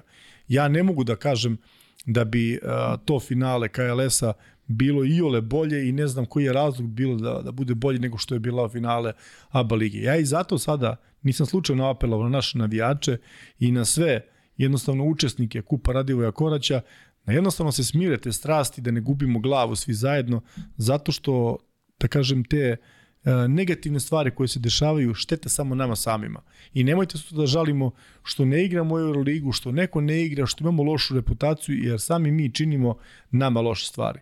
Tako da kada stavim na vagu tu jednu i drugu stvar, da nismo igrali KLS, a da smo mogli da izgubimo Euroligu uh, nekim skandalom koji bi se dogodio u KLS-u, a to su bili dani odluke. Uh, vi se sećate da su to bili dani odluke, da smo dobili da igramo Ja sam znao, to navijači nisu znali, da su dani odluke da li ćemo da igramo Euroligu ili ko će da igra Euroligu bili bukvalno u danima odigravanja finala KLS-a. Vi, vi znate za to. I da sam ja bukvalno razmišljao, kad smo sve te stvari stavili na sto, da jednostavno je to bilo prerizično. I taj KLS završio, odigrao je se, ništa se nije, da kažem, toliko loše desilo po srpsku košarku, sem što sad to svako predstavlja na svoj način i tako dalje. I vi znate da u tom KLS-u postoje mnoge stvari koje su i neuređene i na koje smo mi stavili primetbe i na koje stavlja, stalno stavljamo primetbe i ja nemam ništa loše da kažem za sve te ljude, ajde da kažem personalno, pojedinačno, na bilo koji način, ali jednostavno mislim da i dalje mislim da Košarkaška liga treba biti deo nacionalnog saveza. Znači, velika većina ljudi u Srbiji ne zna, ljudi s kojima sam ja pričao, da Košarkaška liga Srbije nije deo nacionalnog Košarkaškog saveza Srbije. I jednostavno u, u Evropi, u košarkaškim zemljama, u ozbiljnim košarkaškim zemljama, najveća većina domaćih nacionalnih liga je sastavni deo uh, nacionalnog saveza. To u Srbiji nije praksa i mislim da jednostavno, ajde da kažem, uh, svi bitni košarkaški faktori u Srbiji uh, koji se a, pre svega koji vole košarku treba da razmisle da košarkaška liga Srbije bude pod okriljem nacionalnog saveza i mislim da to potpuno prirodna stvar. Ja ne razumem šta je to protiv interesa jednog kluba u Srbiji da košarkaški savez Srbije vodi Košarkašku ligu Srbije, a ne da Košarkaška liga Srbije bude uh, liga klubova koji na neki način treba da finansiraju ligu tako što će, ne znam, nija da je finansiraju od kazni ili se nađe tek poneki sponsor i tako dalje. Ja nemam ništa protiv ako velika većina klubova kaže Košarkaška liga Srbije treba da ostane u, u ovoj formaciji. Mi ćemo biti podređeni većini. Mislim, mi ne možemo da odlučujemo u ime većine, ali mislim da jednostavno savez treba da ima svoju funkciju kao što Futbalski savez Srbije ima jurisdikciju nad, uh, kako se zove, Superligom Srbije, tako Košarkaška liga Srbije treba da bude u okviru nacionalnog saveza. I ja ne vidim šta je to i bilo kome to sporno da jednostavno uh, to bude u okviru saveza. Ja sam takođe prošle godine zamerio da mi trebamo da se izdvajaju neki klubovi koji ne igraju celu sezonu, nego da odigraju par utakmica i kao završili su Košarkašku ligu Srbije. Pa koja je to liga? Koja je liga koja se igra, igra u dve utakmice? Šta je ta liga? To nije liga, to je turnir. Pa veoma, veoma, veoma, veoma je moguće da se desi da više odigrate utakmica u kupu Radivoja Koraća nego košarkaš u Ligi Srbije. U jednom turniru koji se odigra za jedan vikend je moguće više odigrati utakmice nego u završnici Košarkaške lige Srbije kad ste recimo Partizan ili Crvena zvezda. Pa to normalno vama. Ne, nije, daleko od toga. Pa ja da ne mogu da kažem da to normalno. Traje dugi niz godina, a opet se prepliče sa onim što ste pričali. A pričali ste o naporima igrača. Dakle, ako se odigra zaista format lige koji bi bio logičan da se odigra, onda su to još nenormalan broj utakmica i to je neki treći pik u sezoni svakog igrača. Dakle, da bi ona stvarno ličila na ligu, onda mora da bude liga. Pošto nije liga, onda mora se nađe neko kompromisno rešenje koje nikog ne zadovoljava. A počinje od toga što nije pod nacionalnim savezom. Kuzma, Znači, rešenje je ono što je u interesu srpske košarke, ne u interesu pojedinaca. Neću niči ime spomenuti ovde i evo, tri sata već govorimo i zaista mi je stvarno zaista čast da razgovaram sa vama zato što košarku poznate na jedan pravi način i dobri se sagovornici i tako dalje, ali kad kažemo košarkaški interes Republike Srbije, njega treba staviti na prvo mesto i doneti važne odluke za Košarkašku ligu Srbije.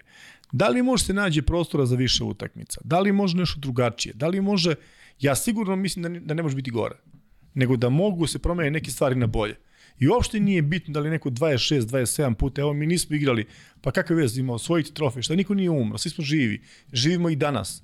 Ja sam želeo da to odigramo, ali bi ta šteta bila nemerljiva da smo igrali Eurokup ove godine, da nismo igrali Euroligu. A slažete? Znači, bila bi šteta nemerljiva. Ovo sad da se ne dešava Partizanu i da posle ovoliko godina borbi i Željka Obradovića, to bi za Partizan bila pre svega sportska šteta, finansijska šteta i u svakom drugom smislu šteta. Zato mi moramo jednostavno da promenimo te svoje loše navike. Ne govorim samo o nekome drugome. Kad kažem promenimo navike, mislim i na sve na zajedno. Da ne smemo da doživljavamo sve nešto lično, sve nešto kroz svoje, sve nešto kroz sebe i tako dalje. Pa naravno da ja mnogo više volim da ja nešto uradim nego da neko drugi. Ali mora da postoji granica koju ne smemo da pređemo. Kad pređemo tu granicu, onda to više nije sport. Onda je to nešto drugo, onda se to naziva, to, to, to, to postoji neka druga reč da se to nazove tako. Tako? Hvala što ste dali objašnjenje za nešto što što je onako značilo navijačima i gledalcima ove emisije. I Kuzma, ja bih sa tim završio ovde. Možete vi koji, koji postavljate razna pitanja, možete odgledati podcast od početka pa da onda vidite da je, da je bilo odgovor i na to što sada pitate kada govorimo o, o nekom reprogramu, ti Kuzma može sada za kraj da... Mi smo da, napravili da, malo ovaj, jedan poklon, to je od našeg ovaj, brenda. E sad, ovo je crna varijanta, sačekaj, čekaj, ovo je sad crna varijanta koju sam mislio da vam poklonim, međutim, onda mi je u sklopu svega što ste pričali mnogo prikladnije da vam poklonim crvenu varijantu, a Ivan će dobiti crnu.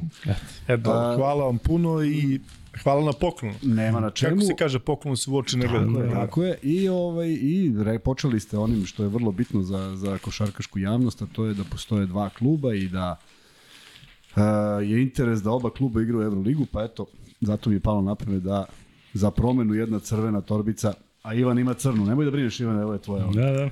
Lep gesti sačuvat ću, evo da. stavit ću u kancelariju kad dođete kod mene u, u goste u košarkaški klub Partizana kafu sa da kažem, nekim novim idejama i nekom novom pričom, vidjet ćete ovu torbicu. Ali ne samo kad dođemo, ne samo kad dođemo da, da se tada ne I da li imate nešto za kraj da poručite eto, navijačima e, posle ovih 3 sata i 15 minuta priče, da li imaš nešto što biste možda rekli, što niste rekli, generalno?